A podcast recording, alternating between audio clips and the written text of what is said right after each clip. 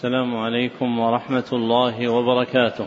الحمد لله الذي رضي لنا الإسلام دينا وبعث إلينا محمدا رسولا صادقا أمينا نحمده حق الحمد ونسأله التوفيق للرشد ونصلي ونسلم على سيد المرسلين وإمام المتقين وخاتم النبيين وعلى آله وصحابته الأخيار المنتجبين وتابعيهم بالإحسان إلى يوم الدين أما بعد فحدثنا الحسن بن عبد الهادي الحسني وهو أول حديث سمعته منه.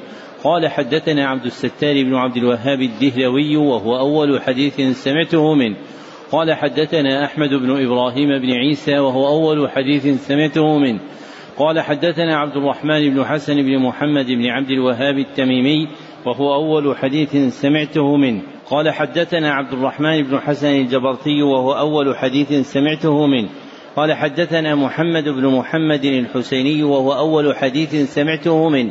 حا وحدثنا عليا درجة الحسن بن عبد الهادي الحسني وهو أول حديث سمعته منه. قال حدثنا عبد الستار بن عبد الوهاب الدهلوي وهو أول حديث سمعته منه. قال حدثنا محمد بن خليل الحسني وهو أول حديث سمعته منه. قال حدثنا محمد بن أحمد البهي وهو أول حديث سمعته منه. قال حدثنا محمد بن محمد الحسيني وهو أول حديث سمعته منه. قال حدثنا داود بن سليمان الخربتاوي وهو أول حديث سمعته منه. قال حدثنا محمد الفيومي المصري وهو أول حديث سمعته منه. قال حدثنا يوسف بن عبد الله الأرميوني وهو أول حديث سمعته منه. قال حدثنا عبد الرحمن بن أبي بكر السيوطي وهو أول حديث سمعته منه. قال حدثنا عبد الرحمن بن علي بن عمر بن علي بن الملقن وهو أول حديث سمعته منه. قال حدثنا جدي عمر بن علي بن الملقن وهو أول حديث سمعته منه. قال حدثنا محمد بن محمد الميدومي وهو أول حديث سمعته منه. قال حدثنا عبد اللطيف بن عبد المنعم الحراني وهو أول حديث سمعته منه. قال حدثنا عبد الرحمن بن علي بن الجوزي وهو أول حديث سمعته منه. قال حدثني إسماعيل بن أبي صالح النيسابوري وهو أول حديث سمعته منه. قال حدثنا أبي أحمد بن عبد الملك النيسابوري وهو أول حديث سمعته منه. قال حدثنا محمد بن محمد الزيادي وهو أول حديث سمعته منه. قال حدثنا أحمد بن محمد البزاز وهو أول حديث سمعته منه. قال حدثنا عبد الرحمن بن بشر بن الحكم وهو أول حديث سمعته منه.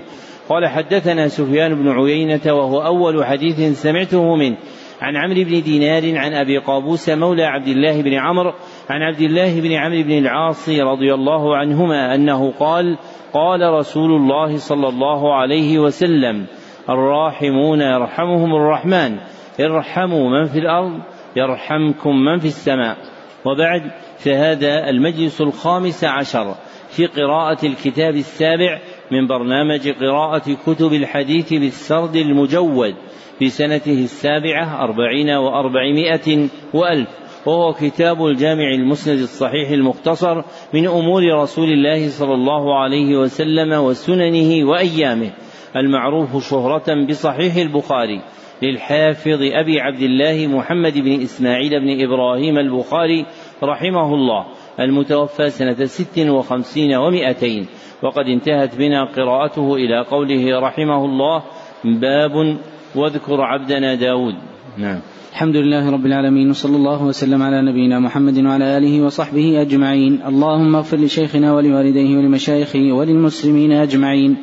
أخبركم حفظكم الله عبد العزيز بن فتح محمد الله ولي المعروف بعزيز زبيدي قراءة عنه. قال أخبرنا أحمد الله بن أمير الله الدهلوي وعبد التواب بن قمر الدين الملتاني. قال أخبرنا نذير حسين بن جواد يعني الدهلوي قال أخبرنا محمد بن إسحاق بن محمد أفضل الدهلوي قال أخبرنا عبد العزيز بن أحمد الدهلوي قال أخبرنا محمد أمين الكشميري قال أخبرنا أحمد بن عبد الرحيم الدهلوي قال أخبرنا أبو طاهر بن إبراهيم الكراني قال أخبرنا حسن بن علي العجمي قال أخبرنا عيسى بن محمد الثعالبي قال أخبرنا سلطان بن أحمد المزاحي قال أخبرنا أحمد بن خليل السبكي قال أخبرنا محمد بن أحمد الغيطي قال أخبرنا زكريا بن محمد الأنصاري قال أخبرنا إبراهيم بن صدقة الصالحي قال أخبرنا إبراهيم بن أحمد التنوخي قال أخبرنا أحمد بن أبي طالب الحجار قال أخبرنا الحسين بن مبارك الزبيدي قال أخبرنا عبد الأول بن عيسى السجزي قال أخبرنا عبد الرحمن بن محمد الداودي قال أخبرنا عبد الله بن أحمد السرخسي قال أخبرنا محمد بن يوسف الفربري قال أخبرنا محمد بن إسماعيل الجعفي مولاه البخاري رحمه الله تعالى أنه قال في كتابه الصحيح باب واذكر عبدنا داود ذا الأيدي إنه أواب إلى قوله وفصل الخطاب قال مجاهد الفهم في القضاء ولا تشطط ولا تسرف واهدنا إلى سواء الصراط. إن هذا أخي له تسع وتسعون نعجة. يقال المرأة نعجتنا قال لها أيضا شاة ولي نعجة واحدة فقال أكفني يا مثل وكفى لها زكريا ضمها وعزني غلبني صار عز مني أعززته جعلته عزيزا في الخطاب يقال المحاورة قال لقد ظلمك بسؤال نعجتك إلى نعاجه وإن كثيرا من الخلطاء الشركاء ليبغي إلى قوله أنما فتنا قال ابن عباس اختبرناه وقرأ عمر رضي الله عنه فتناه بتشديد التاء فاستغفر ربه وخر راكعا وأناب قوله رحمه الله باب واذكر عبدنا داود تقدم أن البخاري رحمه الله ترجم بقوله باب ثم يذكر آية في مئتين وأربعة وثلاثين موضعا فهي من أمهات التراجم عنده. ووقع عنده أيضا باب قول الله تعالى في مئة وأربعة وأربعين موضعا. ووقع عنده أيضا باب قوله تعالى في مئة وواحد وسبعين موضعا. نعم. أحسن الله إليكم. قال حدثنا محمد قال حدثنا سالم بن يوسف قال سمعت العوام عن مجاهد قال قلت لابن عباس رضي الله عنهما أسجد في صاد فقرأه من ذريته داود وسليمان حتى أتى فبهداه مقتده فقال نبيكم صلى الله عليه وسلم ممن أمر أن يقتدي بهم. قوله قال سمعت العوام ليس في رجال البخاري راو اسمه العوام سوى راو واحد وهو العوام بن حوشب الشيباني. أحسن الله إليكم. قال حدثنا موسى بن إسماعيل قال حدثنا ويب قال حدثنا يبان كلمة عن عباس رضي الله عنه أنه قال ليس صاد من عزائم السجود ورأيت النبي صلى الله عليه وسلم يسجد فيها. قوله حدثنا أيوب تقدم أنه ليس في قوله حدثنا وهيب تقدم أنه ليس في رواة البخاري من اسمه وهيب سوى راو واحد هو وهيب بن خالد الباهلي. أحسن الله إليكم. قال رحمه الله تعالى باب قول الله تعالى وهبنا لداود سليمان نعم العبد إنه أواب الراجع المنيب. وقوله هب لي ملكا لا ينبغي لأحد من بعدي. وقوله واتبعوا ما تتلو الشياطين على ملك سليمان. وقوله ولسليمان الريح غدوها شهر ورواحها شهر وأسلنا له عين القطر. وأسلنا له عين القطر. أذبنا له عين الحديد. ومن الجن من يعمل بين يديه إلى قوله من محاريب. قال مجاهد بنيان ما دون القصور وتماثيل وجفان كالجواب كالحياض الإبل وقال ابن عباس رضي الله عنهما كالجواب من الأرض وقدور راسيات إلى قوله الشكور فلما قضينا عليه الموت ما دلهم على موته إلا دابة الأرض الأرضة تأكل من ساته وعصاه. فلما خر إلى قوله المهين حب الخير عن ذكر ربي فطفق مسحا بالسوق والأعناق يمسح عراف الخيل وعراقبها الأصفاد الوثاق قال مجاهد الصافنة صفن, صفن الفرس رفع إحدى رجليه حتى تكون على طرف الحافر. الجاد السراع جسدا شيطان رخاء طيبة حيث أصاب حيث شاء فمن أعط بغير حساب بغير حرج. قال حدثني محمد بن بشار قال حدثنا محمد جعفر قال حدثنا شعبة عن محمد زياد عن أبي هريرة رضي الله عنه عن النبي صلى الله عليه وسلم أنه قال إني عفريت من الجن تفلت بارحة يقطع علي صلاتي فأمكن الله عز وجل منه. فاخذته فردت ان اربطهم على سنية من سبب المسجد حتى تنظرني كلكم فذكرت دعوة أخي سليمان ربي هب لي ملكا لا ينبغي لأحد من بعدي فرددته خاسئا عفريت متمرد من إنس أو جان مثل عفريت متمرد من إنس أو جان مثل زبني مثل زبنية جماعتها الزبانية. زبنية. أحسن الله إليكم مثل زبنية جماعتها الزبانية. قوله حدثنا شعبة تقدم أنه ليس في رواة البخاري ما اسمه شعبة سوى راو واحد هو شعبة بن الحجاج العتكي مولاهم. نعم. أحسن الله إليكم. قال حدثنا خالد بن مخلد قال حدثنا مغيرة بن عبد الرحمن عن أبي زناد عن رجع النبي رضي الله عنه عن النبي صلى الله عليه وسلم أنه قال قال سليمان بن داود عليه السلام لأطوفن ليلة على سبعين امرأة تحمل كل امرأة فارسا يجاهد في سبيل الله فقال له صاحبه إن شاء الله فلم يقل ولم تحمل شيئا إلا واحدا ساقطا إحدى شقيه. فقال النبي صلى الله عليه وسلم أنه قال هل جاهدوا في سبيل الله قال شعيب بن أبي الزناد تسعين وهو صح. قوله عن الأعرج تقدم أن هذا لقب وقع نسبة لجماعة من الرواة والمراد به عند الإطلاق هو عبد الرحمن بن هرمز المدني. قوله عن أبي الزناد ليس في رواة الستة من يكنى أبا الزناد سوى راو واحد يذكر بكنيته غالبا واسمه عبد الله بن ذكوان المدني. نعم.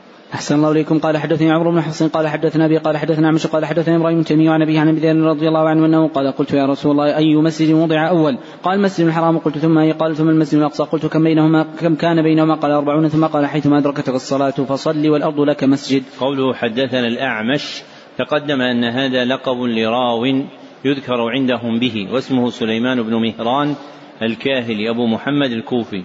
نعم.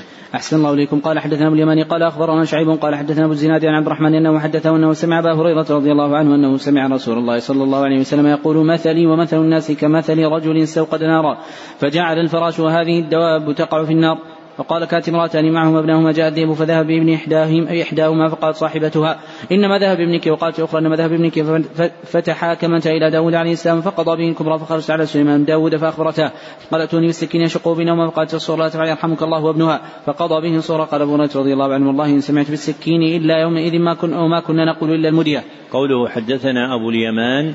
تقدم أن هذه الكنية عندهم عند الإطلاق هي لأبي اليمان الحمصي. واسمه الحكم بن نافع. نعم. أحسن الله إليكم. قال رحمه الله تعالى باب قول الله تعالى ولقد آتينا لقمان الحكمة أن اشكر لله إلى قوله إن الله لا يحب كل مختال فخور ولا تصعر الإعراض بالوجه. قال حدثنا الوليد قال حدثنا شعبة عن نعمش عن إبراهيم عن قمت عن عبد الله رضي الله عنه قال لما نزلت الذين آمنوا ولم يلبسوا إيمانهم بظلم. قال أصحاب النبي صلى الله عليه وسلم اينا لم يلبس ايمانه بظلم؟ فنزلت لا تشرك بالله إن الشرك لظلم عظيم. قوله حدثنا أبو الوليد تقدم أن هذه الكنية عندهم عند الإطلاق هي لأبي الوليد الطيالسي واسمه هشام بن عبد الملك. نعم. أحسن الله إليكم. قال حدثني إسحاق قال أخبرنا عيسى بن يونس قال حدثنا عن شعيب عن قبة عبد الله رضي الله عنه أنه قال لما نزلت الذين آمنوا ولم يلبسوا إيمانهم بظلم شق ذلك على المسلمين فقالوا يا رسول الله أينا لا يظلم نفسه؟ قال ليس ذلك إنما هو الشرك ولم تسعوا ما قال لقمان لابنه وهو يعظه يا بني لا تشرك بالله إن الشرك لظلم عظيم. باب واضرب لهم مثلا أصحاب القرية فعززنا. قال مجاهد شددنا. وقال ابن عباس طائركم مصائبكم. باب قول الله تعالى ذكر رحمة ربك عبده زكريا إذ نادى ربه نداء خفيا قال رب إني وهن العظم مني واشتعل الرأس شيبا إلى قول نجعل له من قبل سميا. قال ابن عباس مثل يقال مرضيا مرضيا عتيا عصيا يعتق. قال رب أن يكون لي غلام إلى قوله ثلاث ليال سويا. ويقال صحيحا فخرج على من المحراب فأوحى إليهم أن سبحوا بكرة وعشيا. فأوحى فأشار يا يحيى خذ بقوة إلى قوله ويوم يبعث حيا حفيا لطيفا عاقرا الذكر والأنثى سواء.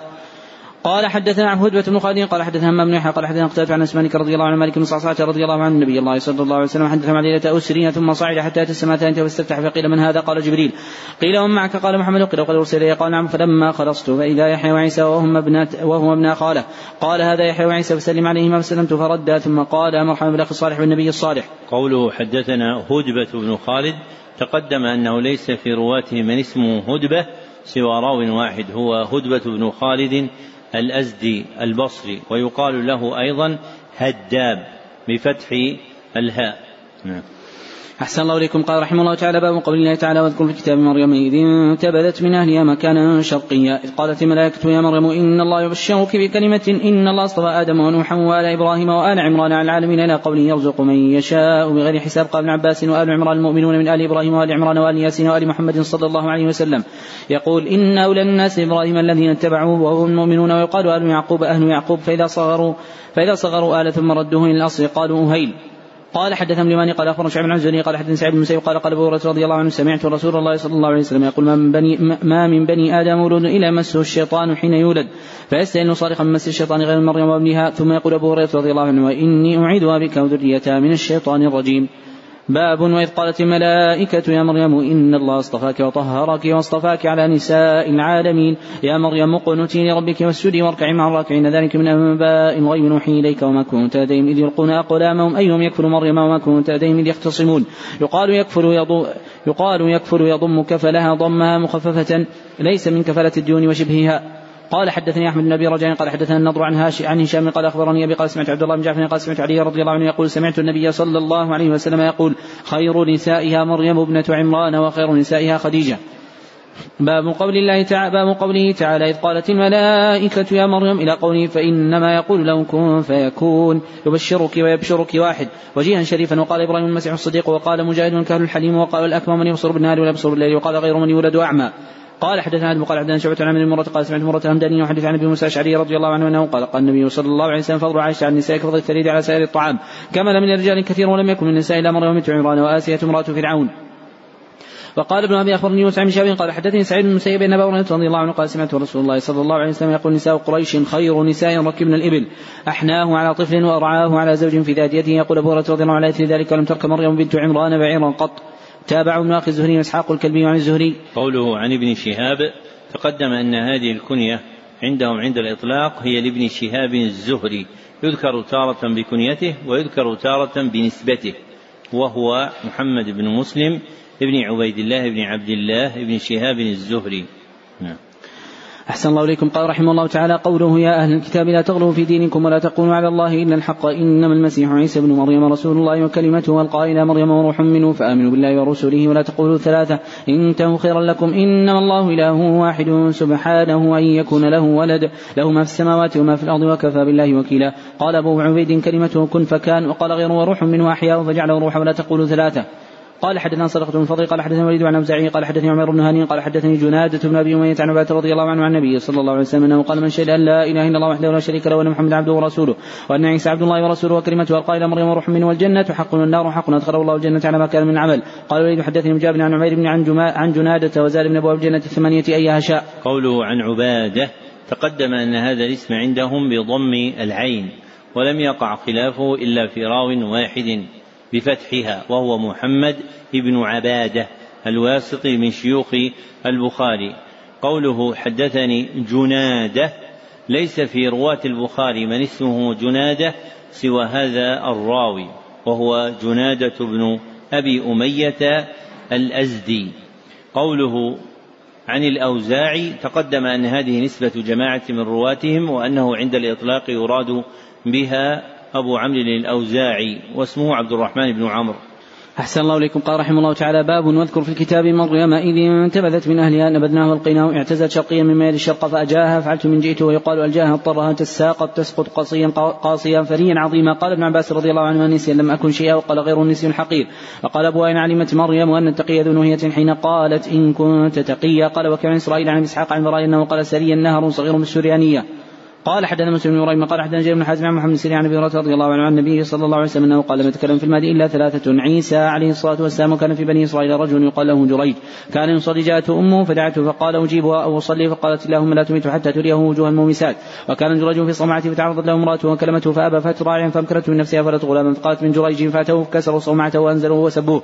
فتوضأ وصلى ثم اتى غلام فقال من أبوك يا غلام؟ قال الراعي قالوا ابني صومعتك من ذهب. قال لا الا من طين وكانت امرأة ترضع من الله من بني إسرائيل فمر بها رجل راكب منذ شارة فقالت اللهم اجعل ابني مثله. فترك ثديها واقبل على راكب وقال اللهم اجعلني مثله ثم اقبل على ثديها يمصه. قال أبو هريرة رضي الله عنه كان ينظر إلى النبي صلى الله عليه وسلم يمص إصبعه ثم أي إصبعه ثم مر بأمة. فقالت اللهم لا تجعل ابني مثل هذه. فترك ثديها فقال اللهم اجعلني مثلها. فقالت لم ذاك؟ فقال الراكب جبار من الجبابرة. وهذه لامة يقولون سرق يقولون سرقت زنيت ولم تفعل. قال حدثني إبراهيم بن موسى قال أخبرني هشام عن معمر. قال حدثني محمود قال حدثنا عبد الرزاق قال أخبرنا معمر عن الزهري قال أخبرني سعيد بن المسيب عن أبي هريرة رضي الله عنه أنه قال قال رسول الله صلى الله عليه وسلم ليله اسري به لقيت موسى قال فنعته في رجل حسبته قال مضطرب رجل الرأس. كأنه من رجال شنوءة. قال ولقيت عيسى فنعته النبي صلى الله عليه وسلم قال ربعة أحمر كأنما خرج من ديماس يعني الحمام. ورأيت إبراهيم وناشبه ولده به وقال أوتيت بناء أحدهما لبن الآخر فيه خمر. فقيل لي خذ أيهما شئت فأخذت لبن فشربته فقيل لي هديت الفطرة. أو قال أصبت الفطرة أما إنك لو أخذت الخمر غوت أمتك؟ قوله حدثنا عبد الرزاق قال أخبرنا معمر تقدم أنه ليس في رواة البخاري من اسمه معمر سوى معمر بن راشد البصري وليس في رواته من اسمه عبد الرزاق سوى عبد الرزاق بن همام الصنعاني. نعم. أحسن الله إليكم. قال حدثنا محمد بن كثير قال أخبرنا إسرائيل وقال أخبرنا عثمان بن المغيرة عن مجاهد بن عمر رضي الله عنه أنه قال قال النبي صلى الله عليه وسلم رأيت عيسى وموسى وإبراهيم عليهم الصلاة والسلام فأما عيسى فأحمر جعد عريض الصدر وأما موسى فآدم جسيم سبط كأنه من رجال الزط. قوله عن مجاهد تقدم أنه ليس في رواة البخاري من اسمه مجاهد سوى مجاهد بن جبر المكي. نعم. أحسن الله إليكم. قال حدثنا إبراهيم المنذري قال حدثنا مضمرة قال حدثنا موسى النافع قال قال عبد الله ذكر النبي صلى الله عليه وسلم يوم بين ظهرين الناس المسيح الدجال قال إن الله عز وجل ليس معور لأن المسيح الدجال أعور العين اليمنى كأن عينه وعينبة طافية وران لينة عند الكعبة في المنام فإذا رجل آدم كأحسن ما يرى من أدب الرجال تضرب لمته بين منكبيه. رجل الشعر يبطو رأسه مع واضع يديه على منكبي رجلين ويطوف بالبيت فقلت من هذا؟ فقالوا هذا المسيح ابن مريم ثم رأيت رجلا وراءه جعدا قططا اعور عين اليمنى كأشبه كأشبه من رأيت بابن قطن. واضع يديه على منكبي رجل يطوف بالبيت فقلت من هذا؟ قال المسيح الدجال تابعه عبيد الله عن نافع. قال حدثنا أحمد بن محمد مكي وقال سمعت إبراهيم بن سعد قال حدثني الزهري عن سامع النبي رضي الله عنه أنه قال لا والله ما قال, قال ما قال النبي صلى الله عليه وسلم عيسى أحمر ولكن قال بين أن بينما أنا نائم أطوف بالكعبة. فإذا رجل آدم سبط الشعر يهاد بين رجل ينطف رأسه ماء أو قال يهراق رأسه ماء فقلت من هذا؟ قال ابن مريم. فذهبت فالتفت فإذا رجل أحمر جسيم جعد الرأس اعور أعور عينه اليمنى كأن عينه عنبه طاليه قلت من هذا؟ قالوا هذا الدجال وأقرب الناس به شبان بن قطن قال الزهري رجل من خزاعة هلك في الجاهلية. قوله حدثنا أبو ضمرة تقدم أنه ليس في رواة الستة من يكنى أبا ضمرة سوى أنس بن عياض الليثي يذكر بهذه الكنية. نعم. أحسن الله إليكم. قال حدثنا اليماني قال أخبرنا شعب بن الزهري قال أخبرني مسلم أن أبا رضي الله عنه قال سمعت رسول الله صلى الله عليه وسلم يقول أنا أولى الناس من مريم والأنبياء وأولاد علات ليس بيني وبينه نبي. قال حدثنا محمد سنان قال حدثنا فريح بن سليمان قال حدثنا هلال بن علي عن عبد عن عبد الرحمن بن أبي عمرة عن أبي هريرة رضي الله عنه أنه قال قال رسول الله صلى الله عليه وسلم أنا اولى الناس بعيسى بن مريم في الدنيا والآخرة والأنبياء وإخوة لعلات امهاتهم شتى ودينهم واحد. وقال إبراهيم طمان عن موسى بن عقبة عن صفوان بن سليمان عن بن سعد رضي الله عنه أنه قال قال رسول الله صلى الله عليه وسلم. قوله حدثنا فليح تقدم أنه ليس في رواة الستة من اسمه فليح سوى فليح بن سليمان المدني. أحسن الله إليكم. قال حدثنا عبد الله بن محمد قال حدثنا عبد الرزاق قال أخبرنا معمر عن همام عن أبي هريرة رضي الله عنه عن النبي صلى الله عليه وسلم أنه قال رأى عيسى بن مريم رجلا يسرق فقال وسرقت قال كلا والله كلا والله الذي لا إله إلا هو. فقال عيسى آمنت بالله وكذبت عيني. قوله أخبرنا معمر تقدم أن هذا الاسم عندهم بفتح ميميه وجاء معمر بضم الميم الأولى وفتح الثانية مشددة. في ثلاثة من رواتهم أولهم معمر بن محمد الهاشمي وثانيهم معمر بن سليمان النخعي وثالثهم معمر بن يعمر الليثي. نعم. أحسن الله إليكم. قال حدثنا حميدي وقال حدثنا سفيان وقال سمعت الزهري يقول أخبرني عبيد الله بن عبد الله عن ابن عباس رضي الله عنه أنه سمع عمر رضي الله عنه يقول عن منبري سمعت النبي صلى الله عليه وسلم يقول لا تطروني كما أطرت النصارى ابن مريم فإنما أنا عبده فقولوا عبد الله ورسوله. قوله حدثنا الحميدي تقدم أن هذه النسبة عندهم عند الإطلاق هي لعبد الله بن الزبير الحميدي. نعم. أحسن الله إليكم. قال حدثنا محمد بن مقاتل قال أخبرنا عبد الله قال أخبرنا صالح بن حين رجل من أهل خراسان قال للشعبي فقال الشعبي أخبرني أبو بردة عن أبي موسى الأشعري رضي الله عنه أنه قال قال رسول الله صلى الله عليه وسلم إذا أدب الرجل أمته فأحسن تأديبها وعلمها فأحسن تعليمها ثم اعتقد زوجها كأنه أجران. وإذا آمن بعيسى ثم آمن به فله أجران العبد إذا تقرب وأطعم واليه فله أجران. قال حدثنا محمد يوسف وقال حدثنا سفيان عن المغيرة بن نعمان عن سعيد بن عن عباس رضي الله عنه أنه قال قال رسول الله صلى الله عليه وسلم تحشرون حفاة عراة غرلا ثم قرأ كما بدأنا أول خلق نعيده وعدا علينا إنا كنا فاعلين. فأول من يبسى إبراهيم ثم يؤخذ برجال من أصحاب ذات اليمين وذات الشمال فيقولوا أصحاب فيقال إنهم لم يزالوا مفتدين على عقاب منذ فارقتهم. أقول كما قال عبد الصالح عيسى بن مريم وكنت عليهم شهيدا ما دمت فيهم فلما توفيتني كنت أنت رقيب عليهم وأنت على كل شيء شهيد. إلى قول العزيز الحكيم قال محمد يوسف ذكر عن أبي عبد الله عن قبيصة قال هم المرتدون الذين ارتدوا على عهد أبي بكر وقاتلهم أبو بكر رضي الله عنه. قوله عن سعيد بن جبير تقدم أن جبيرا في الأسماء وأسماء الآباء والكنى إذا تجرد من تاء التأنيث فهو بضم الجيم وإن اقتربت به تاء التأنيث فهو بفتحها فيقال جبير وجبيرة ومثله عمير وإيش؟ وعميرة. نعم. أحسن الله إليكم. قال باب نزول عيسى بن مريم عليهما السلام. قوله باب نزول هذه الترجمة من أمهات التراجم عند البخاري. ذكرها بهذا اللفظ باب نزول في أربعة مواضع. وذكرها بلفظ باب النزول في ثلاثة مواضع.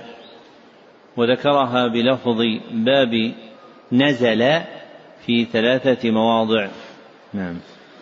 أحسن الله إليكم. قال حدثنا إسحاق قال أخبرنا يعقوب بن إبراهيم قال حدثنا أبي عن صالح بن بن سعيد بن مسيب أنه سمع أبا هريرة رضي الله عنه قال قال رسول الله صلى الله عليه وسلم الذي نفس بيده لا يشكن أن ينزل فيكم المرض حكم من عدم فيكسر الصليب ويقتل الخنزير ويضع الجزية ويفيض المال حتى لا يقبل واحد حتى يكون السجدة واحدة خير من الدنيا وما فيها. ثم يقول أبو هريرة رضي الله عنه أقرأ من شئتم وإن من أهل الكتاب إلا يؤمن النبي قبل موته يوم القيامة يكون عليهم شهيدا.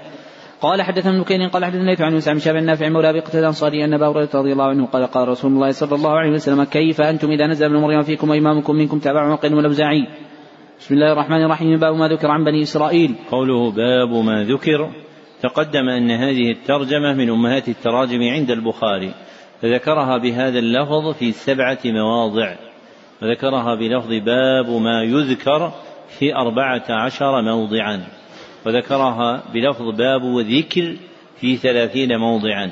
نعم. أحسن الله إليكم. قال حدثنا موسى بن إسماعيل قال حدثنا أبو عوانة قال حدثنا عبد الملك عن عبد عن ربعي بن حراش قال قال عقبة بن عمرو لحذيفة لا تحدثنا ما سمعت من رسول الله صلى الله عليه وسلم. قال إني سمعته يقول إن مع الدجال إذا خرج ماء ونارا فأما الذي يرى الناس أنها نار فماء بارد وأما الذي يرى الناس أنه ماء بارد فنار تحرق. فمن أدرك منكم فليقع في الذي يرى أنها نار فإنه عذب بارد.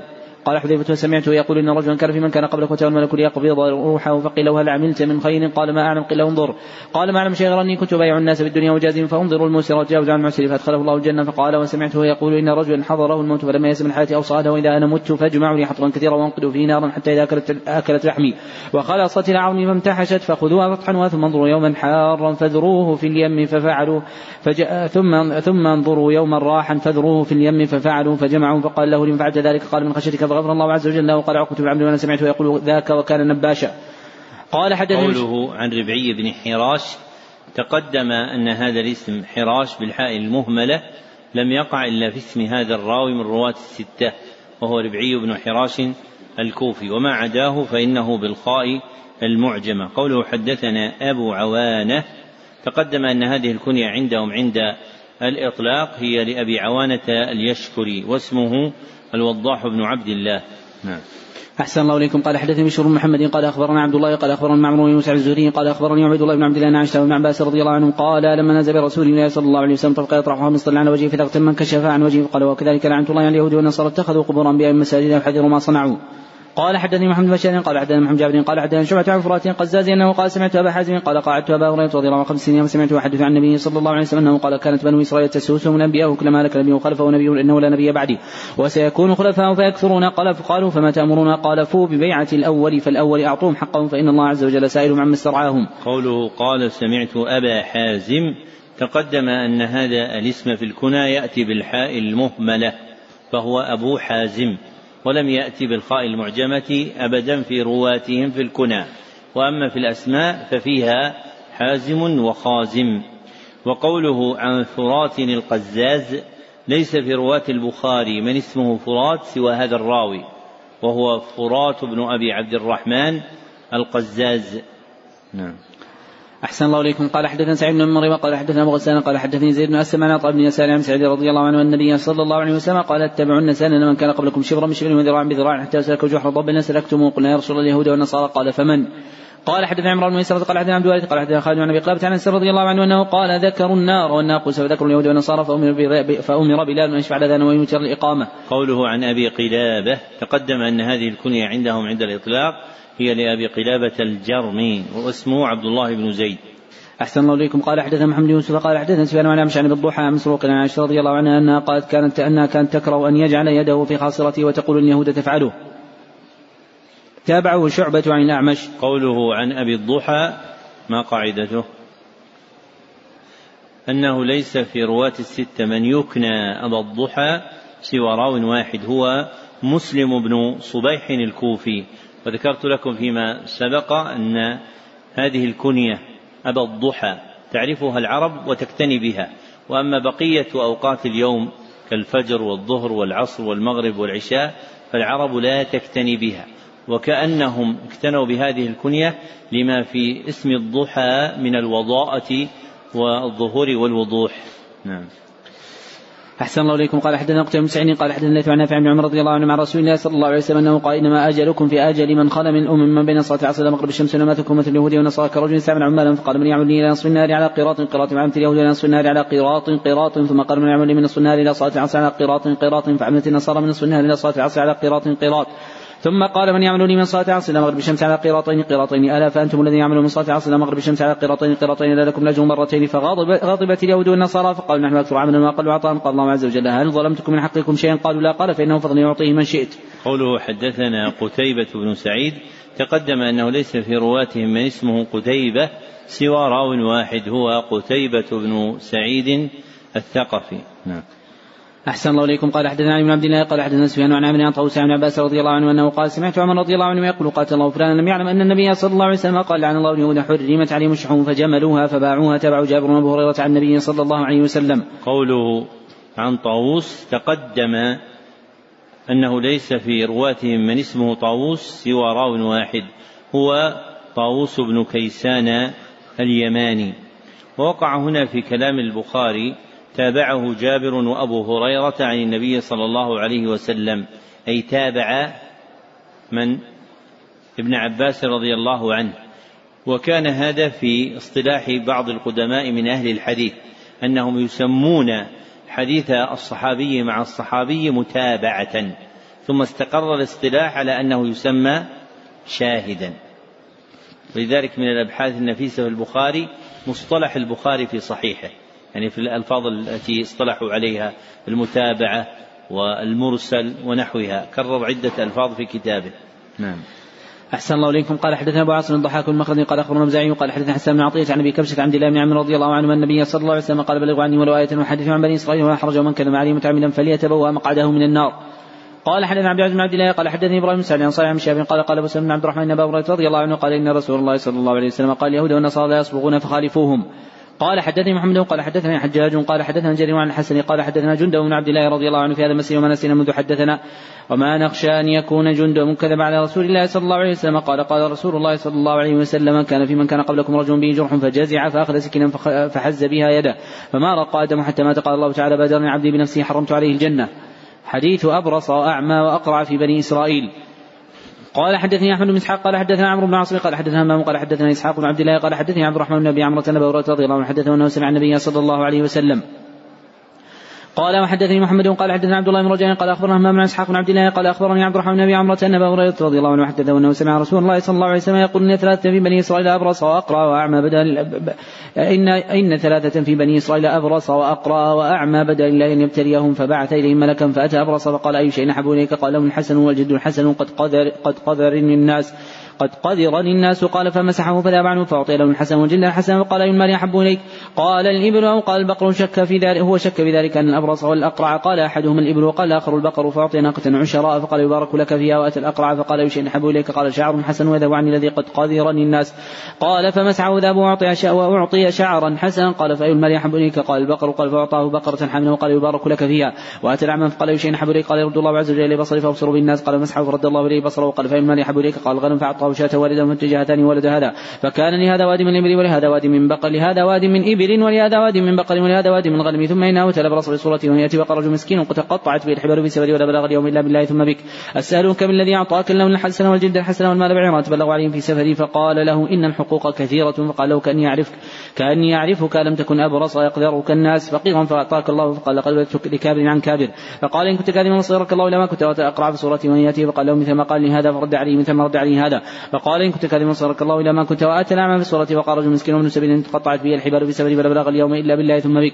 أسألك بالذي رد عليك بصرك شاة أتبلغ بها في سبيل وقال قد كنت أعمى رد الله بصري وفقيرا فقد أغناني فخذ ما شئت والله لا اجهدك اليوم بشيء أخذته لله. فقال أمسك مالك فانه ابتليت وقد رضي الله عنك وسخط على صاحبيك. قوله في الحديث إن ثلاثة في بني إسرائيل أبرص وأقرع وأعمى بدا لله أن يبتليه. كيف بدا لله؟ أراد وقدر وشاء لا تساعد عليها الوضع اللغوي لكلمة بدا بدأ من الظهور من الظهور والإيضاح. وجه هذه الكلمة أن المراد بقوله في الحديث بدا لله أن يبتليهم أي أراد الله أن يظهر علمه بابتلائهم. أي أراد الله أن يظهر علمه بابتلائهم. أي أراد الله أن يظهر علمه بابتدائه بابتلائهم. وهذا كقول الله سبحانه وتعالى حتى يعلم الله وقوله ليعلم الله وقوله ويعلم الله فليس المقصود علما حادثا لم يكن من قبل كهذا. وإنما المقصود علما يظهر فيشاهد. نعم. أحسن الله إليكم. قال رحمه الله تعالى أم حسبت أن من اللطائف للفائدة لما كنت صغيرا سألت شيخنا بن باز رحمه الله عن هذه الكلمة. فسكت ثم قال لي يؤمن أهل السنة بجميع ما وصف الله به نفسه في القرآن والسنة من غير تحريف ولا تكييف ومن غير تعطيل ولا تمثيل. وسكت. لماذا أجابني هكذا؟ أي كان مناسبا لسني. الحالة المناسبة لسني أجابني بها لأن هذا من دقائق الأبحاث. فهو يرى أن سني قد لا ترتفع لهذا المبحث فلم يحب أن يطول البحث بعيد وأجابني بهذا الجواب الذي هو أصل في السلامة. وهذه طريقة الأكابر. فالأكابر يجيبون السائل بما يصلح به أي الذي فيه صلاحه. فقد يطوون عنه علما يبثونه لغيره لأن مقادير الخلق في الفهم والإدراك وما يصلح لهم تختلف. فلا يجاب كل أحد بكل جواب يكون للناس أجمع. بل من الناس من يجاب هذا الجواب ومن الناس من لا تكون حاله ولا سنه ولا مكانه محلا للجواب. فالذي يريد من العلماء أن يجيبوه على كل شيء هذا لا يفهم العلم. وقد قال ابن مسعود رضي الله عنه من أفتى الناس في كل ما سألوه فهو مجنون. لأن من الناس من يصلح جوابه ومن الناس من لا يصلح جوابه. ومن الناس من يصلح جوابه على الإجمال ومن الناس من يصلح جوابه على تفصيل. وطالب العلم إذا أجابه شيوخه بمثل هذا لم يكن ذلك موجبا لنفرته منه. بأن يترك هؤلاء الشيوخ ويقول هؤلاء لا يجيبون عما نسأل عنه فيأتيه ويسأل عن مسألة ليس هو من أهلها. فإذا كان ليس من أهلها يصرف إلى ما ينفعه. لا أن يدخل فيما لا ينفعه. فإن صرفه إلى ما ينفعه هو سبيل سلامته. فإن كان عاقلا ومحلا للعلم اشتغل بما حمد عليه. وإن لم يكن محلا للعلم فقد كفيت شره. لأنك لم تفتح عليه باب الشر بأن تجيبه سؤالا لا يدركه ولا يعي مقاصد القول فيه لعدم صلاحيته إما في سنه أو في مكانه أو في حاله التي تتعلق بذلك. فطالب العلم ينبغي أن يلاحظ هذا في العلماء. وأن يعرف أنهم إن أجابوه بشيء فهذا هو المناسب له فلا يطلب غيره. لا يستذكي يسأل الشيخ كفاحا ثم يجيبه ثم يسأله بورقة أخرى رجاء أن يجيبه جوابا ثانيا. فإذا كان الشيخ ذكيا سلك طريقا ثالثا فأرسلها بالإيميل. فإن كان الشيخ ذكيا عارفا بطريقته سلك طريقا رابعا. وعمد إلى أحدهم بأن يسأله عبر الهاتف فإن انتبه له شيخه سلك طريقا خامسا فاتصل هو وسأل بالهاتف. والعالم الذكي لا تخفى عليه هذه الأمور كما اتفق لابن تيمية فيما ذكره ابن القيم رحمه الله أنه أريد على فتوى فأجاب فيها فقلبوها له على وجوه فقال هذه الفتوى بعينها. يعني جاءوا بأكثر من طريق ذكرها في إعلام الموقعين. جاءوا بأكثر من طريق ليخرجوا بجواب يريدونه. فقال لا هذه المسألة لكن هم يقلبونها كذا ويقلبونها كذا ويقلبونها كذا وإنما يقلب السؤالات من يفتح على نفسه باب الفتن. وأما مريد النجاة فهو إذا أجابه العالم بجواب وهو يثق بدين العالم وعقله فذلك الجواب هو الذي يصلح له. ولما كان الطلبة يدركون هذا وينشؤون على هذا انتفعوا. فكانوا يعلمون أن جواب شيخهم بسطا أو اختصارا هو المناسب لحالهم فيكتفون به. ثم لما ضعفت صلة الطلبة بالأشياخ وصار يتكلم في العلم من ليس من أهله صار الطلبة يبتغون من أشياخهم فوق المراد شرعا ويريدون أن يحملوا أشياخهم على ما يروه يرونه هم لا ما على يراه أولئك المشايخ. وأنت تستغرب من طالب يقدم على شيخ يعتقد فيه العلم ثم لا يريد منه إلا جوابا يوافق هواه. وهذا أسير الهوى.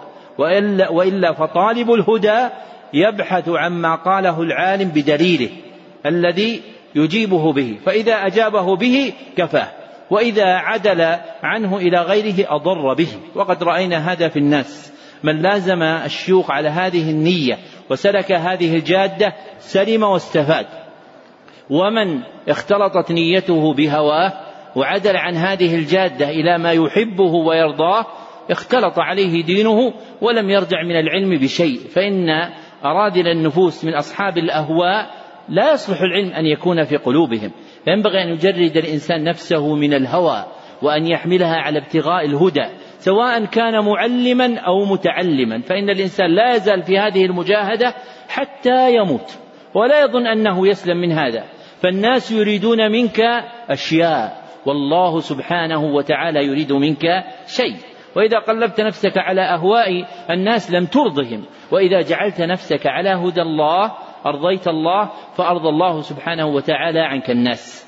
نسأل الله سبحانه وتعالى أن يأطرنا جميعا على الهدى وأن يكفينا شر الهوى. نعم. أحسن الله إليكم. قال رحمه الله تعالى أم حسبت أن أصحاب الكهف والرقيم الكهف الفتح في الجبل والرقيم كتاب مرقوب مكتوب من الرقم ربطنا على قلوبهم ألهمناهم صبرا شططا إفراطا الوصيد الفنا وجمعه وصائد ووصد. ويقال الوصيد الباب مؤصدة مطبقة آصد الباب وأوصد بعثناهم أحييناهم أزكى أكثر ريعا فضرب الله على آذانهم فناموا رجما بالغيب لم يستبن وقال مجاهد تقرضهم تتركهم حديث الغار. قال حدثنا إسماعيل بن خليل قال أخبرنا علي بن مسلم عن عبد الله بن عمر عن نافع بن عمر رضي الله عنه أن رسول الله صلى الله عليه وسلم قال بينما ثلاثة نفر ممن كان قبلكم يمشون إذا أصابهم مطر فأووا إلى غار طبق عليهم فقال بعضهم لبعض انه والله هؤلاء لا ينجيكم إلا الصدق.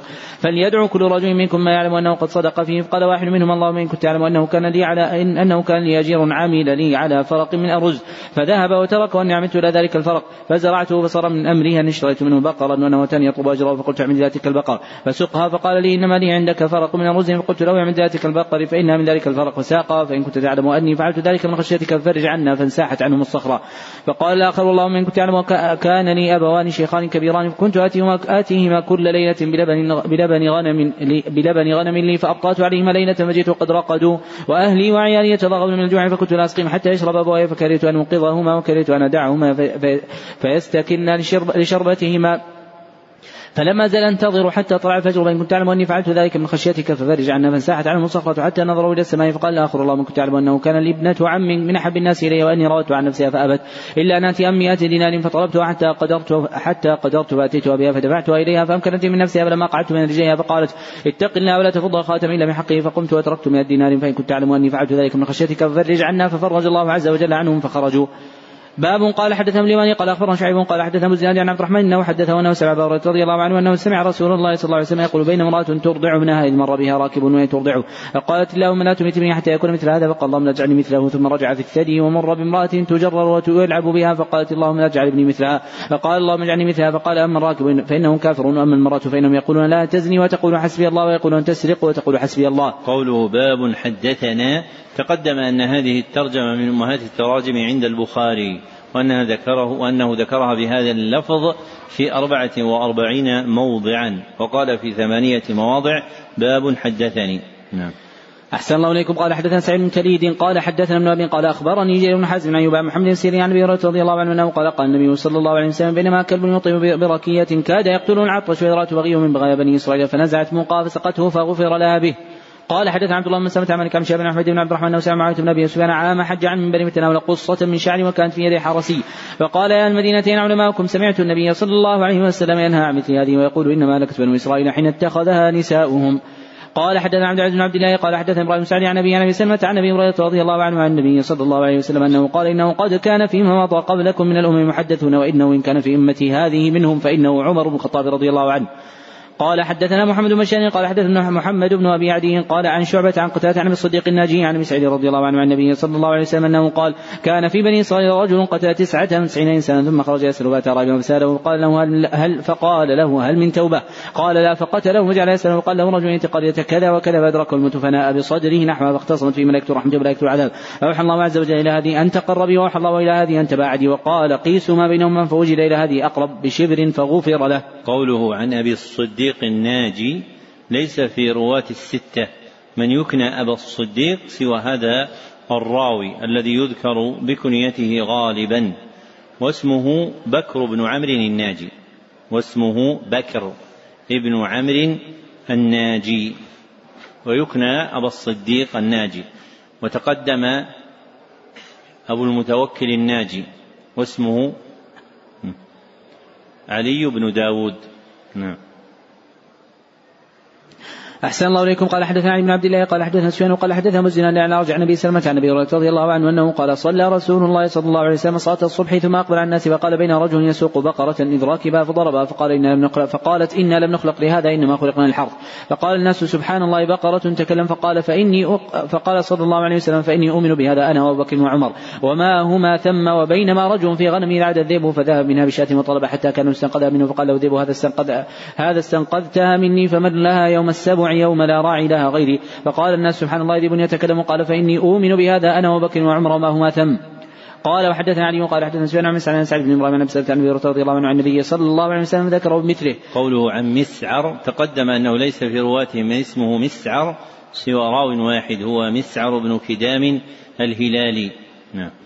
أحسن الله إليكم. قال حدثنا إسحاق بن قال أخبر عبد الرزاق عن معمر عن همام عن أبي هريرة رضي الله عنه أنه قال قال النبي صلى الله عليه وسلم اشترى رجل من رجل عقارا له فوجد الرجل الذي اشترى العقار في عقار جرة من فيها ذهب فقال له الذي اشترى العقار. خذ ذهبك من اشتريت منك الأرض ولم تع منك الذهب. فقال الذي له الأرض إنما يعتك الأرض وما فيها. فتحاكم إلى رجل فقال الذي تحاكم إلي ألاكما ولد؟ قال أحدهما لي غلام قال الآخر لي جارية قال أنكح غلام الجارية وأنفقوا على أنفسهما منه وتصدقا. قال حدثنا عبد بن عبد الله قال حدثني مالك عن محمد بن كدر عن أبي النضر مولى عمر بن عبيد الله عن عمرو بن سعد بن أبي وقاص عن ابي رضي الله عنه سمعه يسأل أسامة بن زيد رضي الله عنهما ماذا سمعت من رسول الله صلى الله عليه وسلم الطاعون فقال له فقال أسامة قال رسول الله صلى الله عليه وسلم الطاعون رجس أرسل على طائفة بني إسرائيل وعلى قال على من كان قبلكم؟ فإذا سمعتم به بأرض فلا تقدموا عليه وإذا وقع بأرض وأنتم بها فلا تخرجوا فرارا منه. قال النضر لا يخرجكم إلا فرارا منه. قال حدثنا موسى بن إسماعيل قال حدثنا داود بن أبي فرات قال حدثنا عبد الله بن بريدة عن يحيى بن يعمر عن عائشة رضي الله عنها زوج النبي صلى الله عليه وسلم قال سألت رسول الله صلى الله عليه وسلم عن الطاعون فأخبرني أنه عذاب يبعثه الله عز وجل على من يشاء وأن الله عز وجل جعله رحمة المؤمنين ليس من أحد يقع الطاعون فيمكث في بلده صابرا محتسبا يعلم أنه لا يصيب إلى مكتب الله عز وجل له إلا كان له مثل أجر شهيد. قال حدثنا قتيبة بن سعيد قال حدثنا عن بن عروة عن عائشة رضي الله عنها أنهم شأن المرأة المخزومية التي سرقت. فقال ومن يكلم فيها رسول الله صلى الله عليه وسلم؟ وقال ومن يشتري عليه له أسامة بن زيد حب رسول الله صلى الله عليه وسلم وكلمه أسامة وقال رسول الله صلى الله عليه وسلم أتشفع في حد من حدود الله ثم قال فاختطب ثم قال إنما لك الذين قبلكم أنهم كانوا إذا سرق فيهم الشريف تركوه وإذا انسرق فيهم ضعيف وقام عليهم الحد. وأيم الله لو أن فاطمة بنت محمد رضي الله عنه صلى الله عليه وسلم سرقت لقطعت يدها. قال حدثنا آدم قال حدثنا شعبة قال حدثنا عبد الملك بن ميسرة قال سمعت النزال من سبرة الهلالي عن ابن مسعود رضي الله عنه قال سمعت رجلا قرأ وسمعت النبي صلى الله عليه وسلم يقرأ خلافه فجئت به النبي صلى الله عليه وسلم فأخبرته وعرفت بوجه الكراهية. وقال كلاكما محسن لا تختلفوا بين من كان قبلكم اختلفوا فهلكوا. قال حدثنا عمرو بن حصين قال حدثنا أبي قال حدثنا عمشو قال حدثني شقيق قال قال عبد الله رضي الله عنه كان ينظر إلى النبي صلى الله عليه وسلم يحكي نبيا من الأنبياء ضربه قومه فأدموه وهو يمسح الدم عن وجهه ويقول اللهم اغفر لقومي فإنهم لا يعلمون. قال حدثنا أبو الوليد قال حدثنا وعانة عن قتادة عن عقبة بن عبد الغافر يعني ابي سعيد رضي الله عنه عن النبي صلى الله عليه وسلم رجلا كان قبلكم رغسه الله مالا فقال لبني لما حضر لما حضر أي أب كنت لكم؟ قالوا خير أب قال فإني لم أعمل خيرا قط فإذا مت فاعلقوني ثم اسحقوني ثم ذروني في يوم عاصف ففعلوا فجمعوا الله عز وجل فقال ما حملك؟ قال مخافتك فتلقوا برحمته. وقال معاذ حدثنا شعبة عن قتادة أنه قال سمعت عقبة بن عبد الغافر قال سمعت أبا سعيد الخدري رضي الله عنه عن النبي صلى الله عليه وسلم. قال حدثنا مسدد قال حدثنا معاوية عن عبد الملك بن عمر ربعين بن حراش قال قال عقبة بن حذيفة رضي الله عنهما لا تحدثنا ما سمعت من النبي صلى الله عليه وسلم؟ قال سمعت. يقول إن رجلا حضره الموت لما أيس من الحياة أوصى أهله. إذا مت فاجمعوا لي حطبا كثيرا ثم أوروا نارا حتى إذا أكلت لحمي وخلصت إلى عظمي فخذوها فاطحنوها فذروني في اليم في يوم حار أو قال راح. فجمعه الله عز وجل فقال لما فعلت؟ قال خشيتك فغفر الله عز وجل له فغفر له. قال عقبة أنا سمعته يقول قال حدثنا موسى قال حدثنا أبو عوانة قال حدثنا عبد الملك وقال في يوم راح قال حدثنا عبد العزيز بن عبد الله قال حدثنا إبراهيم سعد بن بن عبد الله بن عبد الله بن عتبة عن بيرة رضي الله عنه أن رسول الله صلى الله عليه وسلم قال كان الرجل يدعي الناس فكان يقول لفتاه إذا أتيت معسرا فتجاوز عنه لعل الله عز وجل تجاوز عنها قال فلقي الله عز وجل فتجاوز عنه. قال حدثني عبد الله محمد قال حدثني هشام قال اخبر معمر عن زني عن حميد بن عبد الرحمن بن رضي الله عنه عن النبي صلى الله عليه وسلم أنه قال كرجل يسري على نفسه فلم أحضر الموت. قال بني إذا أنا مت فاحرقوني ثم اطحنوني ثم ذروني في الريح فوالله لئن قدر علي ربي ليعذبني عذابا ما عذبه أحدا. فلما مات فعل بي ذلك فأمر الله عز وجل الأرض فقال اجمعي ما فيك منه. ففعلت فإذا هو قائم فقال ما حملك على ما قال يا ربي خشيتك فغفر له. وقال غيره مخافتك يا رب. قال حدثني عبد الله بن محمد بن أسماء قال حدثني جويرية بن أسماء عن نافع عن نافع عن عبد الله بن عمر رضي الله عنه أن رسول الله صلى الله عليه وسلم قال عذبت امرأة في هرة سجنت حتى ماتت فدخلت فيها النار لا هي طعمتها ولا سقتها وإذ حبستها ولا هي تركتها تأكل من خشاش الأرض. قال حدثنا أحمد بن موسى عن زهير قال حدثنا منصور عن إبراهيم بن حراش قال حدثنا أبو مسعود عقبة رضي الله عنه قال قال النبي صلى الله عليه وسلم انما يدرك الناس من كلام النبوة إذا لم تستحي فافعل ما شئت. قال حدثنا آدم قال حدثنا شعبة عن منصور قال سمعت ربيع بن حراش يحدث عن ابن مسعود رضي الله عنه قال قال النبي صلى الله عليه وسلم ان مما أدرك الناس من كلام النبوة إذا لم تستحي فاصنع ما شئت. قال حدثنا بشر محمد قال أخبرنا عبيد الله قال أخبرنا موسى عن زوري قال اخبرني سالم ان ابن عمر رضي الله عنهما حدثه أن النبي صلى الله عليه وسلم قال بينما رجل يجر ازاره من خلاء يخسف به فيتجلجل في الأرض إلى يوم القيامة. قال تابع عبد الرحمن بن خالد عن زهري قال حدثنا موسى بن إسماعيل قال حدثنا ابي قال حدثني مطوس عن أبي هريرة رضي الله عنه عن النبي صلى الله عليه وسلم أنه قال نحن الاخرون السابقون يوم القيامة بين كل أمة أوتوا الكتاب من قبلنا واتينا من بعدهم فهذا اليوم الذي اختلفوا فغدا لليهود وبعد غد للنصارى. على كل مسلم في كل سبعة أيام يوم يصير رأسه وجسده. قال حدثنا آدم قال حدثنا شعبة قال حدثنا عمرو بن مرة قال سمعت سعيد بن المسيب قال قدم معاوية بن أبي سفيان رضي الله عنه المدينة اخر قدمة قدمها فخطبنا فأخرج كبة من شعر فقال ما كنت أرى أن أحد يفعل هذا غير اليهود. وإن النبي صلى الله عليه وسلم سماه الزور يعني يصال في الشعر تبع غندر عن شعبة. قال رحمه الله تعالى باب قول الله تعالى يا أيها الناس إنا خلقناكم من ذكر وأنثى وجعلناكم شعوبا وقبائل لتعارفوا إن أكرمكم عند الله يتقاكم وقوله اتقوا الله الذي تساءلون به والأرحام إن الله كان عليكم رقيبا وما ينهى عن دعوى الجاهلية الشعوب النسب البعيد والقبائل دون ذلك. قال حدثنا خالد بن يزيد الكاهلي قال حدثنا أبو بكر عن أبي حصين. قال الشعوب النسب البعيد والقبائل دون ذلك. فما يطلقونه اليوم على أهل بلد من كونهم شعبا هذه لفظة مولدة لا تصح في العربية على هذا المعنى وإنما الشعب هو البطن الكبير الذي يحوي قبائل عدة. والبخاري رحمه الله له كلام منثور في معرفة معاني كلام العرب ولا أعلم أحدا أفرده. وأما الوجوه النحوية فأفردها بعض الباحثين. أحسن الله إليكم. قال حدثنا خالد بن يزيد الكاهلي. قال حدثنا أبو بكر عن أبي حصين عن سعيد بن جبير عن عباس رضي الله عنهما في قوله تعالى وجعلناكم شعوبا وقبائل. قال الشعوب القبائل العظام والقبائل البطون. قوله عن أبي حصين تقدم أن هذا الاسم وقع بفتح الحاء في ثلاث كنى وما عداها في بالضم في الأسماء والكنى. أولهم أبو حصين عثمان بن عاصم الكوفي وهو المراد عند الإطلاق. وثانيهم أبو حصين عبد الله بن أحمد بن يونس اليربوعي وثالثهم أبو حصين ابن, ابن يحيى الرازي. نعم. أحسن الله إليكم. قال رحمه الله تعالى حدثنا محمد بن بشار قال حدثني ابن سعيد عن عبيد قال حدثني سعيد بن ابي سعيد عن ابي عن أبي هريرة رضي الله عنه أنه قال قل يا رسول الله من أكرم الناس؟ قال اتقاهم قال ليس عن هذا نسالك قال فيوسف نبي الله. قال حدثنا قبيس بن حفص قال حدثنا عبد واحد قال حدثنا كريم بن وائل قال حدثتني ربيبة النبي صلى الله عليه وسلم زينب ابنة أبي سلمة قال قلت لها أرأيت النبي صلى الله عليه وسلم كان بمضر؟ قالت فممن كان إلا من مضر من بني النضر بكنانة. قال حدثنا موسى قال حدثنا عبد الواحد قال حدثنا كريم قال حدثتني ربيبة النبي صلى الله عليه وسلم أظنها زينب قالت نهى رسول الله صلى الله عليه وسلم عن دباء ونحنت بن القير والمزفة وقلت لا أخبرني النبي صلى الله عليه وسلم ممن كان من مضر ممن كان من مضر كان قالت فممن كان إلا من مضر كان من ولد النضر بن كنانة. قال حدثني إسحاق بن إبراهيم قال أخبرنا جرير عن عمارة عن أبي زرعة عن أبي هريرة رضي الله عنه عن رسول الله صلى الله عليه وسلم أنه قال تجدون الناس معادن خيار في الجاهلية خير في الإسلام إذا فقهوا وتجدون خير الناس في هذا الشأن أشدهم له كراهية وتجدون شر الناس الوجه الذي يأتي هؤلاء بوجه ويأتي هؤلاء بوجه. قوله عن عمارة تقدم أن هذا الاسم بضم العين ولم يقع خلافه إلا في أبي بن عمارة رضي الله عنه. أحسن الله إليكم. قال حدثنا قتيبة بن سعيد قال حدثنا المغيرة عن أبي الزناد عن راجع عن أبي هريرة رضي الله عنه أن النبي صلى الله عليه وسلم قال الناس تبع لقريش في هذا الشأن مسلمهم تبع لمسلم وكافرهم تبع لكافرهم والناس معادن خيار في الجارية خير في الإسلام. إذا فقهوا تجدون من خير الناس أشد الناس كراهية هذا الشأن حتى يقع فيه. باب قال حدثنا مسلم قال حدثنا عن شعبة قال حدثنا عبد الملك عن طاووس عن عباس رضي الله عنهما في قوله تعالى المودة في القربى. قال فقال سعيد بن جبير قربى محمد صلى الله عليه وسلم. قال إن النبي صلى الله عليه وسلم منكم بطل من قريش إلا ولو فيه قرابة فنزلت عليه إلا أن تصلوا قرابة بيني وبينكم. قال حدثنا علي بن عبد الله قال حدثنا سفيان واسمعنا عن قيس ابي مسعود يبلغ بالنبي صلى الله عليه وسلم قال من هنا جاءت الفتن نحو المشرق والجفاء وغلظ القلوب في, الفدادين أهل الوبر عند وصول اذناب الابل والبقر في ربيعة ومضر قال حدثنا اليماني قال أخبرنا شعيب بن عزوني قال أخبرني أبو سلمة بن عبد الرحمن بن ابي هريرة رضي الله عنه قال سمعت رسول الله صلى الله عليه وسلم يقول الفخر والخيلاء في الفدادين أهل الوبر والسكينة في الغنم والإيمان يماني والحكمة يمانيه سميت اليمن لانها عن عن من كعبة. والشأم عن يسار كعبة والمشأمة والميسرة واليد اليسرى والجانب الأيسر الأشأم. باب مناقب قريش. قوله باب مناقب هذه الترجمة من أمهات التراجم عند البخاري وقد ذكرها في ستة وعشرين موضعا. نعم.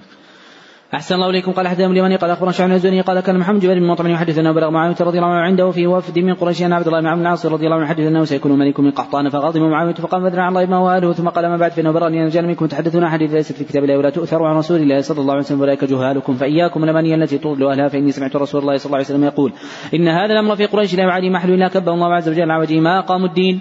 قال حدثنا الليثي قال حدثنا عاصم بن محمد قال سمعت أبي عن ابن عمر رضي الله عنه عن النبي صلى الله عليه وسلم أنه قال يزال هذا الأمر في قريش ما بقي منه اثنان. قال حدثني احمد بن قال حدثني عن قال عن شام بن المسيب عن جبير بن مطعم قال مشيت أنا وعثمان بن عفان رضي الله عنه قال يا رسول الله أعطيت بن المطلب تركتنا وإنما هو نحن وهم منك بمنزلة واحدة فقال النبي صلى الله عليه وسلم إنما بنو هاشم وبن المطلب شيء واحد. وقال ليث حدثني أبو الأسود محمد بن عمرة بن الزبير قال ذهب عبد الله بن الزبير مع ناس من بني زورة عائشة رضي الله عنه كان ترقى شيء قرابة من رسول الله صلى الله عليه وسلم. قال حدثنا ابن عمي قال حدثنا سفيان عن سعد خاء قال يعقوب بن إبراهيم حدثنا أبي عن ابي قال حدثني عبد الرحمن بن هرمز الأعرج عن أبي هريرة رضي الله عنه أنه قال قال رسول الله صلى الله عليه وسلم قريش والانصار وجينه ومزينة وأسلموا واشجع واغفار موالي ليس لهم مولى دون الله ورسوله صلى الله عليه وسلم. قال حدثنا عبد الله بن يوسف قال حدثني قال حدثني أبو الأسود عن عروة بن الزبير قال كان عبد الله بن الزبير احب البشر إلى عائشة رضي الله عنها بعد النبي صلى الله عليه وسلم وأبي بكر وكان بر الناس بها وكانت لا تمسك شيئا مما جاء من رزق الله تصدقت. فقال ابن الزبير ينبغي أن يؤخذ على يديها فقالت أيؤخذ على يديها علي نذر إن كلمته فاستشفع اليها برجال من قريش وبأخوال رسول الله صلى الله عليه وسلم خاصة امتنعت فقال لها الزهريون فقال لها الزهريون أقوال النبي صلى الله عليه وسلم عبد الرحمن بن الأسود بن عبد يغوث والنسر والمخرمة إذا استأذن فاقتحم الحجاب. ففعل فأرسل إليه بعشر رقاب فأعتقهم ثم نزلت تعتقهم حتى بلغت أربعين فقالت وددت أني جعلت حين علفت عملا أعمله فأفرغ منه. باب نزل القرآن بلسان قريش. قوله باب نزل تقدم أن هذه الترجمة من أمهات التراجم عند البخاري ذكرها بلفظ الفعل نزل في ثلاثة مواضع وذكرها بلفظ باب نزول في أربعة مواضع وذكرها بلفظ باب النزول في موضعين. نعم. أحسن الله إليكم. قال حدثنا عبد العزيز بن عبد الله قال حدثنا إبراهيم بن عن شهاب عن رضي الله عنه عثمان دعا زيد بن ثابت وعبد الله بن الزبير وسعيد بن العاص وعبد الرحمن بن حاتم بن هشام بن أسقاف بن مصاحب وقال عثمان من راتب القرشيين ثلاثة إذا اختلفتم أنتم وزيد بن ثابت في شيء من القرآن. فاكتبوه بلسان قريش فإنما نزل بلسانهم ففعلوا ذلك. باب نسبة اليمن إلى إسماعيل منهم أسد بن أفصى بن حارثة بن عامر بن عامر من خزاعة. قال حدثنا مسدد قال حدثنا يحيى بن زيد بن أبي عبيد قال حدثنا سلمة رضي الله عنه قال خرج رسول الله صلى الله عليه وسلم على قوم الناس سمية نظرا بالسوق وقال أمر بني إسماعيل فإن اباكم كان راميا وأنا مع بني فلان لأحد الفريقين فأمسكوا بيدهم فقال ما لهم؟ قالوا وكيف نرمي؟ وأنت مع بني فلان؟ قالوا وأنا معكم كلكم. باب قال حدثنا معمر قال حدثنا عبد الوارث عن الحسين عبد الله بن أنه قال حدثني يحيى بن يعمر أن أبا الأسود حدثه عن أبي ذر رضي الله عنه أنه سمع النبي صلى الله عليه وسلم يقول ليس من رجل دعا لغير أبيه ويعلم الا كبر من دعا قوم ليس له فيهم فليتبوأ مقعده من النار. قال حدثنا علي بن عياش قال حدثنا حديث قال حدثني عبد الواحد بن عبد الله النصري قال سمعت واتة بن أسقع يقول قال رسول الله صلى الله عليه وسلم إن من أعظم الفراء أن يدعي الرجل غير به أو يري عينه ما لم ترى أو يقول على رسول الله صلى الله عليه وسلم ما لم يقل. قال حدثنا مسدد قال حدثنا أحمد عن أبي جمرة قال سمعت ابن عباس رضي الله عنه يقول قدم وفد عبد القيس على رسول الله صلى الله عليه وسلم وقال يا رسول الله إنا من هذا الحي من ربيعه قد حالت بيننا وبينك كفار مضر. فلسنا نخلص إليك إلا في كل شيء حرام فلو امرتنا بأمر نأخذه عنك ونبلغه ما وراءنا قال أمركم بأربع ونهاكم عن أربعين الايمان بالله وشهادة أن لا الإيمان بالله شهاده أن لا إله إلا الله وإقام الصلاة وإيتاء الزكاة وأن تؤدوا إلى الله خمس ما غنمتم وانهاكم عن الدباء والحنتم والنقير والمزفت. قال حدثنا اليماني قال أخبرنا شعيب بن الزهري عن عبد الله بن عبد الله بن عمر رضي الله عنهما قال سمعت رسول الله صلى الله عليه وسلم يقول عن المنبر ألا إن الفتنة هنا يشير إلى المشرق من حيث يطلع قرن الشيطان. قوله عن أبي جمرة تقدم أن هذه الكنية عندهم لراو واحد يذكر بها واسمه نصر بن عمران الضبعي والذي تقدم في قوله باب نسبة اليمن إلى إسماعيل فيه من اختيارات البخاري النوادر أنه يختار أن العرب عدنان وقحطان كلها من ذرية إسماعيل عليه الصلاة والسلام. نعم. أحسن الله إليكم. قال رحمه الله تعالى باب ذكر أسلم وغفار ومزينة وجهينة وأشجع. قال حدثنا ابن عمين قال حدثنا سفيان عن سعد عن بن هرمز عن ابي رضي الله عنه أنه قال قال النبي صلى الله عليه وسلم قريش والأنصار وجهينة ومزينة واسلم وغفار وأشجع موالي ليس لهم مولى دون الله ورسول ليس لهم مولى دون الله ورسوله صلى الله عليه وسلم. قال حدثني محمد بن غرير الزوري قال حدثنا يعقوب بن إبراهيم عن أبي عن صالح قال حدثنا فعن عبد الله رضي الله عنه أخبره أن رسول الله صلى الله عليه وسلم قال من غفار غفر الله لها وأسلم سالمها الله وعصية عصت الله ورسوله صلى الله عليه وسلم. قال حدثني محمد وقال اخبر عبد الله التقوي عن عن محمد عن أبي رضي الله عنه عن النبي صلى الله عليه وسلم انه قال أسلم سلم الله وغفر وغفر الله لها. قال حدثنا قيس قال حدثنا سفيان قال حدثني محمد بن بشار قال حدثنا ابن مهدي قال عن سفيان عن عبد الملك بن عمر عبد الرحمن بن بكر عن النبي رضي الله عنه أنه قال قال النبي صلى الله عليه وسلم رأيت إن كان جهينة ومزينة واسم وغفار خيرا من بني تميم وبني أسد ومن بني عبد الله بن غطفان ومن بني عامر بن صعصعة فقال رجل خابوا وخسروا فقال لهم خير من بني تميم ومن بني أسد ومن بني عبد الله بن غطفان ومن بني عامر بن صعصعة. قوله عن عبد الرحمن بن أبي بكرة عن أبيه تقدم أنه ليس في رواة الستة من يكنى أبا بكرة سوى راو واحد هو أبو بكرة الثقفي واسمه نفيع بن الحارث. نعم. أحسن الله إليكم. قال حدثني محمد بن بشار قال حدثنا غندر وقال حدثنا شعبة عن محمد بن أبي يعقوب قال سمعت عبد الرحمن بن أبي بكر عن نبينا قرأ من حادث رضي الله عنه قال النبي صلى الله عليه وسلم من بعك السراق الحجي من أسلم وغفار ومزينة وأحسبه وجهينة بن أبي يعقوب شك. قال النبي صلى الله عليه وسلم رأيت إن كان أسلم وغفار ومزينة وأحسبه وجهينة خيرا بني تميم وبني عامر وأسد وغطفان قاب وخسروا قال نعم. قال والذي نفسي بيده إنهم لخير منهم. باب ابن أخت القوم مولى القوم منهم. باب ابن أخت القوم ومولى القوم منهم. قال حدثنا سليمان بن حرب قال حدثنا شعبة عن قتادة عن رضي الله عنه قال عن النبي صلى الله عليه وسلم الأنصار فقال هل فيكم أحد من غيركم؟ قالوا لا إلا ابن أخت لنا. فقال رسول الله صلى الله عليه وسلم ابن أخت القوم منهم. باب قصة زمزم. قال حدثنا زيد بن أخزم قوله باب قصة. تقدم أن هذه الترجمة من أمهات التراجم عند البخاري وأنه ذكرها في سبعة عشر موضعا. أحسن الله إليكم. قال حدثنا زيد بن أخزم. قال أبو قتيبة قال أبو قتيبة سلم بن قتيبة قال حدثني مثنى بن سعيد قصير قال حدثني أبو جمرة قال قال لنا ابن عباس رضي الله عنه أخبركم بإسلام أبي ذر قال قلنا بلى. قال قال أبو ذر كنت رجلا من غفار فبلغنا أن رجلا قد خرج مكة يزعم أنه نبي فقلت لأخي انطلق إلى هذا الرجل يكلمه وأتني بخبره. فانطلق فلقيه ثم رجع فقلت ما عندك؟ فقال والله لقد رأيت رجلا يأمر بالخير وينهى عن الشر فقلت لو لم تشفني من الخبر. فأخذت جرابا وعصا ثم أقبلت إلى مكة وجعلت لا أعرفه وأكره ونسأل عنه وأشرب ماء زمزم وأكل بالمنزل قال من ربي علي رضي الله عنه. قال كأن الرجل غريب. قال قلت نعم. قال فانطلق إلى المنزل. قال فانطلقت معه لا يسألني عن شيء ولا أخبره. فلما أصبحت غدوت إلى المسجد لا أسأل عن لا أسأل لأسأل عنه. وليس أحد يخبرني عنه شيء قال فمر بي علي رضي الله عنه. قال أما أما نال رجل يعرف منزله. أما نال للرجل يعرف منزله بعد؟ قال قلت لا. فقال قال انطلق معي. قال فقال ما أمرك وما أقدمك هذه البلدة؟ قال قلت له إن كتمت علي أخبرتك؟ قال فإني أفعل قال قلت له بلغنا أنه قد خرج. هنا رجل يزعم أنه نبي فأرسلت أخي ليكلمه. فرجع ولم يشفني من الخبر. فأردت أن ألقاه فقال له أما إنك قد رشدت هذا وجهي هذا وجهي إليه؟ فاتبعني أدخل حيث أدخل فإني رأيت أحسن الله إليكم. فاتبعني أدخل حيث أدخل فإني إن رأيت أحدا أخاف عليك قمت إلى حائط كان ينصح نعلي وأمضي أنت فمضى وامضيت معه حتى دخل ودخلت معه.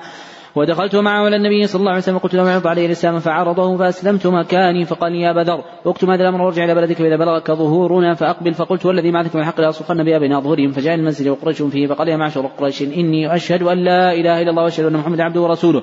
فقالوا قوموا إلى هذا الصبي. فقاموا فضربت لاموت فأدرك العباس رضي الله عنه فأكب علي ثم أقبل عليهم فقال ويلكم تقتلون رجلا من غفار ومتجركم ومركم على غفار فأقلعوا عني. فلما اصبحت الغداء رجعت فقلت مثل ما قلت مثل ما قلت بالامس فقالوا قوموا إلى هذا الصبي. فصنع مثل ما صنع بالأمس وادركني العباس وأكب عليه وقال مثل ما قالت بالأمس. قال فكان هذا اسلام أبي ذر رحمه الله ورضي عنه. قال حدثنا سليمان بن حرب قال حدث أحمد عن أيوب عن محمد عن أبي هريرة رضي الله عنه قال قال أسلم وغفار وشيء من مزينه وجهينه أو قال شيء من جهينة أو مزينة. خير عند الله أو قال يوم القيامة من أسلم وتميم وهازن وغطفان. باب ذكر قحطان. قال حدث عبد العزيز بن عبد الله قال حدثني سليمان بن بلال عن ثور بن زيد عن أبي الغيث عن أبي هريرة رضي الله عنه عن النبي صلى الله عليه وسلم أنه قال تقوم الساعة حتى يخرج رجل من قحطان يسوق الناس بعصاه. قوله عن أبي الغيث تقدم أنه ليس في رواتهم من يكنى أبا الغيث سوى راو واحد هو سالم المدني مولى ابن مطيع. نعم. أحسن الله إليكم قال رحمه الله تعالى باب ما ينهى من دعوة الجاهلية قوله باب ما ينهى تقدم أن هذه الترجمة من أمهات التراجم عند البخاري ذكرها بهذا اللفظ في ثلاثة عشر موضعا وذكرها بلفظ باب النهي في خمسة مواضع. نعم. أحسن الله إليكم. قال حدث محمد قال أخبر مخلد بن يزيد قال أخبر جريج قال أخبر عمرو بن سمع جابر رضي الله عنه سمع جابر رضي الله عنه يقول غزونا مع النبي صلى الله عليه وسلم وقد معه ناس من المهاجرين حتى كثروا وكان من المهاجرين رجل عاب فكسع أنصاريا فغضب الأنصاري غضبا شديدا حتى تداعوا حتى تداعوا وقال الأنصاري يا الأنصاري وقال المهاجرين المهاجرين فخرج النبي صلى الله عليه وسلم وقال ما بال دعوة أهل الجاهلية. ثم قال ما شأنهم؟ فأخبر بكسرة المهاجرين الأنصارية فقال قال فقال النبي صلى الله عليه وسلم دعوها فإنها خبيثة. وقال عبد الله بن أبي بن سلول أقد تداعوا علينا لئن رجعنا إلى المدينة ليخرجن منها الأذل. فقال عمر رضي الله عنه يقتل يا رسول الله هذا الخبيث لعبد الله. قال فقال النبي صلى الله عليه وسلم لا يتحدث الناس أنه كان يقتل أصحابه. قوله أخبرنا ابن جريج تقدم أن هذه الكنية عند الإطلاق هي لابن جريج المكي واسمه عبد الملك ابن عبد العزيز. وقوله في هذا الحديث فقال النبي صلى الله عليه وسلم لا يتحدث الناس أنه كان يقتل أصحابه. من أبواب السياسة الشرعية في إصلاح الراعي والرعية. قد ذكرت لكم فيما سبق ما للبخاري رحمه الله ولغيره من التراجم في رعاية هذا الأصل. وفوق ذلك الأحاديث النبوية التي بينت وجوها من السياسة الشرعية التي يصلح بها الناس. لكن لما كان الأمر من قديم أن السياسة الشرعية علما وعملا ضعيفة في الناس صار فهم هذه المدارك مما يخفى على كثير من الناس. فهذا الذي قاله النبي صلى الله عليه وسلم يجري فيه ما يجري في بعض الفتاوى التي تكون في زمن دون زمن بحسب ما يصلح للناس. فتارة إذا كانت قوة الإسلام وعزة أهله كان هذا باب إظهارها. وإذا كان زمن ضعف المسلمين وتسلط غيرهم عليهم وابتغاء التسلط عليهم بما يسمى بحريات الديانات أو الأقليات أو غيرها فعند ذلك يكون العالم بصيرا فيما يصلح به حال الناس فهو لا يصحح الباطل لكن ليس كل الحق ينشر. كما قال أبو هريرة رضي الله عنه حملت عن النبي صلى الله عليه وسلم وعاءين أما أحدهما فبثثته وأما الآخر فلو بثثته لقطع هذا البلعوم. يعني من إيش قطع؟ من إيش؟ ليش يقطع؟ يعني من وقوع الفتنة بسبب ما يحدث به. لأن يعني عقول الناس لا تدرك هذا. لا بسبب أن يتسلط عليه السلطان كما يتوهم بعض الناس. وإنما لأن بعض ما يظهر من العلم وإن كان حقا قد يكون في زمان فتنة. ولذلك قال الله عز وجل ولا تسبوا الذين يدعون من دون الله فيسبوا الله عدوا بغير علم. نعم. أحسن الله إليكم. قال حدثني ثابت بن محمد قال حدثنا سفيان ولا عن عبد الله بن مرة عن مسروق عن عبد الله رضي الله عنه عن النبي صلى الله عليه وسلم وعن سفيان عن زبير عن مسروق عن عبد الله رضي الله عنه أول كان المشايخ يربون الطلبة على هذه الأشياء. ثم في الزمن الأخير ضعف وسئل أحد كبار المشايخ لماذا لا تعتنون بهذا مع الطلبة؟ قال هذا كان قديما لما كان الطالب يقنع بكلام شيخه ويستفيد منه. أما الآن يأتيك الطالب وهو له رأي مسبق. فهو لا يريد رأيك وإنما يريد أن توافقه في رأيه. هذا الذي قاله عذر لبعض العلماء الذين يحجمون عن مثل هذا. لكن ينبغي أن يحرص على إيصاله للناس بالطريقة التي تنفعهم قدر الوسع. ولا يزال في الناس خير حتى يرث الله الأرض ومن عليها. نعم. أحسن الله إليكم. قال رحمه الله تعالى عن سفيان عن زبيد عن إبراهيم عن مسروق عبد الله رضي الله عنه عن النبي صلى الله عليه وسلم أنه قال ليس من المضر والخدود وشق الجيوب ودعا بدعوى الجاهلية. باب قصة خزاعة. قال حدثني إسحاق بن إبراهيم قال حدثني أحمد وقال أخبرني اسرائيل عن أبي حصين عن أبي صالح عن أبي هريرة رضي الله عنه رسول الله صلى الله عليه وسلم قال عمرو بن حي من قمع ابن قمعة بن خند ابن خندف أبو خزاعة. قال حدثني اليماني قال اخبر شعيب عن الزهري قال سمعت سعيد بن المسيب قال البحيرة التي معه درها للطواغيت ولا يحلبها أحد من الناس والسيفة التي كانوا يسيبونها لآلهتهم فيحملوا عليها شيء. قال وقال أبو هريرة رضي الله عنه قال النبي صلى الله عليه وسلم رأيت عمرو بن عامر بن حي الخزاعي يجر قصبه في النار وكان قال النبي صلى الله عليه وسلم رأيت عمرو بن عمرو بن لحي الخزاعي يجر قصبه في النار وكان أول من سيب السوائب. باب قصة زمزم وجهل العرب. قال حدثنا ابن عمني قال حدثنا أبو عوانة عن أبي بشر عن سعيد بن جبير عن عباس رضي الله عنه قال إذا سرك أن تعلم جهل العرب فاقرأ ما فوق ثلاثين ومائة في سورة الأنعام. قد خسر الذين قتلوا أولادهم سفها بغير علم إلى قوله قد ضلوا وما كانوا مهتدين. قوله عن أبي بشر تقدم أن هذه الكنية عندهم عند الإطلاق هي لأبي بشر اليشكري واسمه جعفر بن أبي وحشية واسم أبي وحشية إياس فهو جعفر ابن إياس اليشكري. نعم. أحسن الله إليكم. قال رحمه الله تعالى باب من انتسب إلى آبائه في الإسلام والجاهلية. قال ابن عمر وأبو هريرة رضي الله عنه عن النبي صلى الله عليه وسلم إن الكريم ابن الكريم ابن الكريم ابن الكريم يوسف بن يعقوب بن إسحاق بن إبراهيم خليل الله وقال براء عن النبي صلى الله عليه وسلم بن عبد المطلب. قال حدثنا عمرو بن حفص قال حدثنا أبي قال حدثنا عمش قال حدثنا عمرو بن مرة عن سعيد بن عباس رضي الله عنه قال لما نزلت وأنذر عشيرتك اقربين جعل النبي صلى الله عليه وسلم ينادي يا بني فهر يا بني عدي ببطون قريش.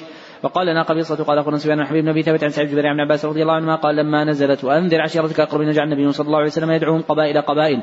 قال حدثنا اليماني قال أخبرنا شعيب قال أخبرنا ابن عن رجع عن أبي رضي الله عنه النبي صلى الله عليه وسلم قال يا بني عبد مناف اشتروا أنفسكم من الله يا بني عبد المطلب اشتروا أنفسكم من الله يا أم الزبير بن العوام عمة رسول الله يا فاطمة بنت محمد اشتريا أنفسكما من الله لا أملك لكم من الله شيئا سلالي من مالي ما شئتما. باب قصة الحبش وقول النبي صلى الله عليه وسلم يا بني أرفدة قال حدثنا أبو يحيى بن بكير قال حدثنا ليث عن قال بن عروة عن عائشة رضي الله عنها أبو بكر رضي الله عنه دخل عليها وعندها جاريتان في من تدففان وتضربان النبي صلى الله عليه وسلم متغش بثوبه فانتهى روما أبو بكر فكشف النبي صلى الله عليه وسلم عن وجهه وقال دعما يا أبا بكر فإنهما أيام عيد وتلك أيام أيام منن.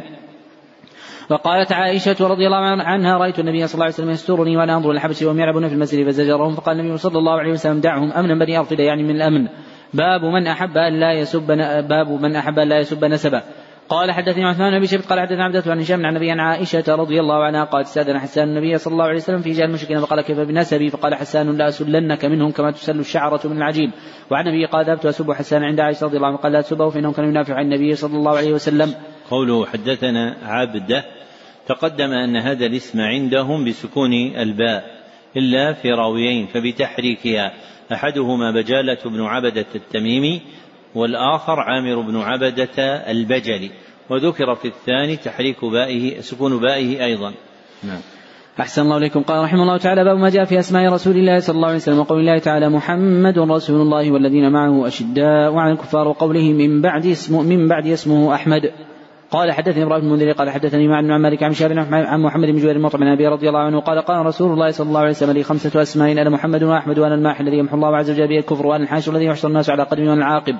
قال حدثنا عن عبد الله قال حدثنا سفيان عبد الزياد عن رجع عن أبي رضي الله عنه أنه قال قال رسول الله صلى الله عليه وسلم لا تعجبون كما يصف الله عز وجل عني شتم قريش ولعنهم يشتمون مذمما ويلعنون مذمما وعلى محمد صلى الله عليه وسلم باب خاتم النبيين صلى الله عليه وسلم قال حدثنا محمد بن سلال قال حدثنا سليم قال حدثنا سعيد بن عن جابر بن عبد الله رضي الله عنه قال قال النبي صلى الله عليه وسلم مثلي مثل الأنبياء كرجل بنى دارا فأكمل وأحسن موضع لبنة وجعل الناس يدخلون ويتعجبون ويقولون لولا موضع لبنه. قوله حدثنا سليم تقدم أنه ليس في رواتهم من اسمه سليم سوى راو واحد هو سليم بن حيان البصري وما عداه في الأسماء والكنى فبالضم سليم. نعم. أحسن الله إليكم. قال حدثنا قتيبة بن قال حدثنا سمع جعفر عبد الله بن دينار عن صالح بن رضي الله عنه أن رسول الله صلى الله عليه وسلم قال إن مثلي ومثل الأنبياء من قبلك مثل رجل بنى بيتا فأحسن وأجمل والموضع لبنة من زاوية فجعل الناس يطلبون به ويعجبون له ويقولون هل وضعت هذه اللبنة؟ قال فأنا اللبنة وأنا خاتم النبيين صلى الله عليه وسلم. قال حدثنا عبد الله بن يوسف قال حدثنا عن قال عن شاب بن عمرة بن الزبير عن عائشة رضي الله عن النبي صلى الله عليه وسلم توفي وهو من 63 وقال من شاب بن سعيد بن مسيب ذكر مثله. قوله عن عقيل تقدم أن هذا الاسم وقع مصغرا في راويين من رواة الستة. أحدهما عقيل بن خالد بن عقيل الأيلي والآخر يحيى بن عقيل البصري. أحسن الله إليكم. قال رحمه الله تعالى باب كنية النبي صلى الله عليه وسلم. قال حدثنا عبد بن عمر قال حدثنا شعبة عن حميد انس رضي الله عنه قال كان النبي صلى الله عليه وسلم السوق وقال رجل ابو القاسم التبت. النبي صلى الله عليه وسلم وقال سموا باسمي ولا تكتنوا بكنيتي. قال حدثنا محمد كثير قال أخبرنا شعبة عن منصور عن سامي عن جابر رضي الله عنه عن النبي صلى الله عليه وسلم أنه قال تسموا باسمي ولا تكتنوا بكنيتي. قال حدثنا علي بن عبد الله قال حدثنا سفيان عن يوبان بن قال سمعت أبا رضي الله عنه يقول قال أبو القاسم صلى الله عليه وسلم سموا باسمي ولا تكتنوا بكنيتي. باب قال حدثني إسحاق قال أخبرنا فضل موسى عن جعيد بن عبد الرحمن قال رأيت سالم بن يزيد ابن أربع ابن أربع وتسعين جلدا معتدلا. فقال قد علمت ما متعت به سمعي وبصري لابن رسول الله صلى الله عليه وسلم خالتي ذهبت به إليه. فقالت يا رسول الله إن ابن أختي شاك فادعو الله عز وجل. قال فدعا لي. قوله عن الجعيد ليس في رواتهم من اسمه الجعيد سوى راو واحد هو الجعيد بن عبد الرحمن ابن أوس. نعم. أحسن الله إليكم. قال رحمه الله تعالى باب خاتم النبوة. قال حدثنا محمد بن عبيد الله قال حدثنا حاتم عن جعيد بن عبد الرحمن قال سمعت سعيد بن يزيد قال ذهبت بي خالتي إلى رسول الله صلى الله عليه وسلم قالت يا رسول الله أختي وقع فمسح رأسي ودعا لي بالبركة وتوضأ فشربت من وضوئي ثم قلت خلف ظهري فنظرت إلى خاتم بين كتفي قال ابن عبيد الله الحجلة من حجل الفرس الذي بين عينيه. قال إبراهيم بن حمزة مثل زر الحجلة. باب صفة النبي صلى الله عليه وسلم. قوله باب صفة. تقدم أن هذه الترجمة من أمهات التراجم عند البخاري وأنه ذكرها في ستة مواضع نعم. أحسن الله إليكم. قال حدثنا أبو عاصم عن عمر بن سعيد بن أبي حسين بن أبي ملك عن عقبة بن حارث رضي الله عنه قال صلى أبو بكر رضي الله عنه العصر ثم خرج يمشي فراى الحسن رضي الله عنه يلعب مع صبيان فحمل على عاتقه وقال بأبي شبيه بالنبي لا شبيه بعلي وعلي رضي الله عنه يضحك. قوله عن ابن أبي مليكة تقدم أن هذه الترجمة عندهم عند الإطلاق هي لابن أبي مليكة المدني واسمه عبد الله ابن ابن عبيد الله. نعم. أحسن الله إليكم. قال حدثنا أحمد بن موسى قال حدثنا زير قال حدثنا إسماعيل عن أبي جحيفة رضي الله عنه قال النبي صلى الله عليه وسلم وكان الحسن رضي الله عنه يشبهه. قال حدثني عمرو بن علي قال حدثنا ابن فضيل قال حدثنا إسماعيل بن أبي خالد قال سمعت أبا جحيفة رضي الله عنه قال النبي صلى الله عليه وسلم وكان الحسن علي رضي الله عنه مسلم يشبهه قلت لأبي جحيفة صفه لي فقال قال كان أبيض قد شمط. وآمر لنا النبي صلى الله عليه وسلم بثلاث عشرة قالوصا قال فقبض النبي صلى الله عليه وسلم قبل أن نقبضها. قوله سمعت أبا جحيفة تقدم أن هذه الكنية عندهم لراو واحد يذكر بها.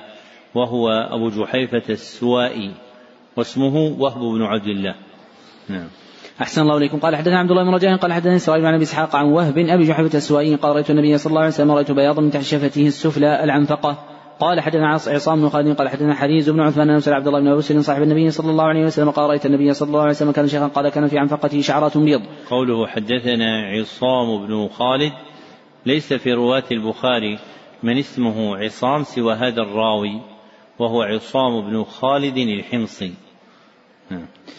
أحسن الله إليكم. قال حدثني بكير قال حدثني الليث عن خالد عن سعيد النبي لأن عربية بن أبي عبد الرحمن قال سمعت أنس مالك رضي الله عنه يصف النبي صلى الله عليه وسلم قال كان ربعة من قوم ليس بالطويل ولا بالقصير أزهر لون ليس بالأبيض أمهق ولا آدم ليس بجعد قطط ولا سبط ولا سبط رجل ولا سبط رجل أنزل عليه وابن أربعين فلبث مكة عشر سنين ينزل عليه بالمدينة عشر سنين وليس برأسه ولحيته عشرا شعرة بيضاء.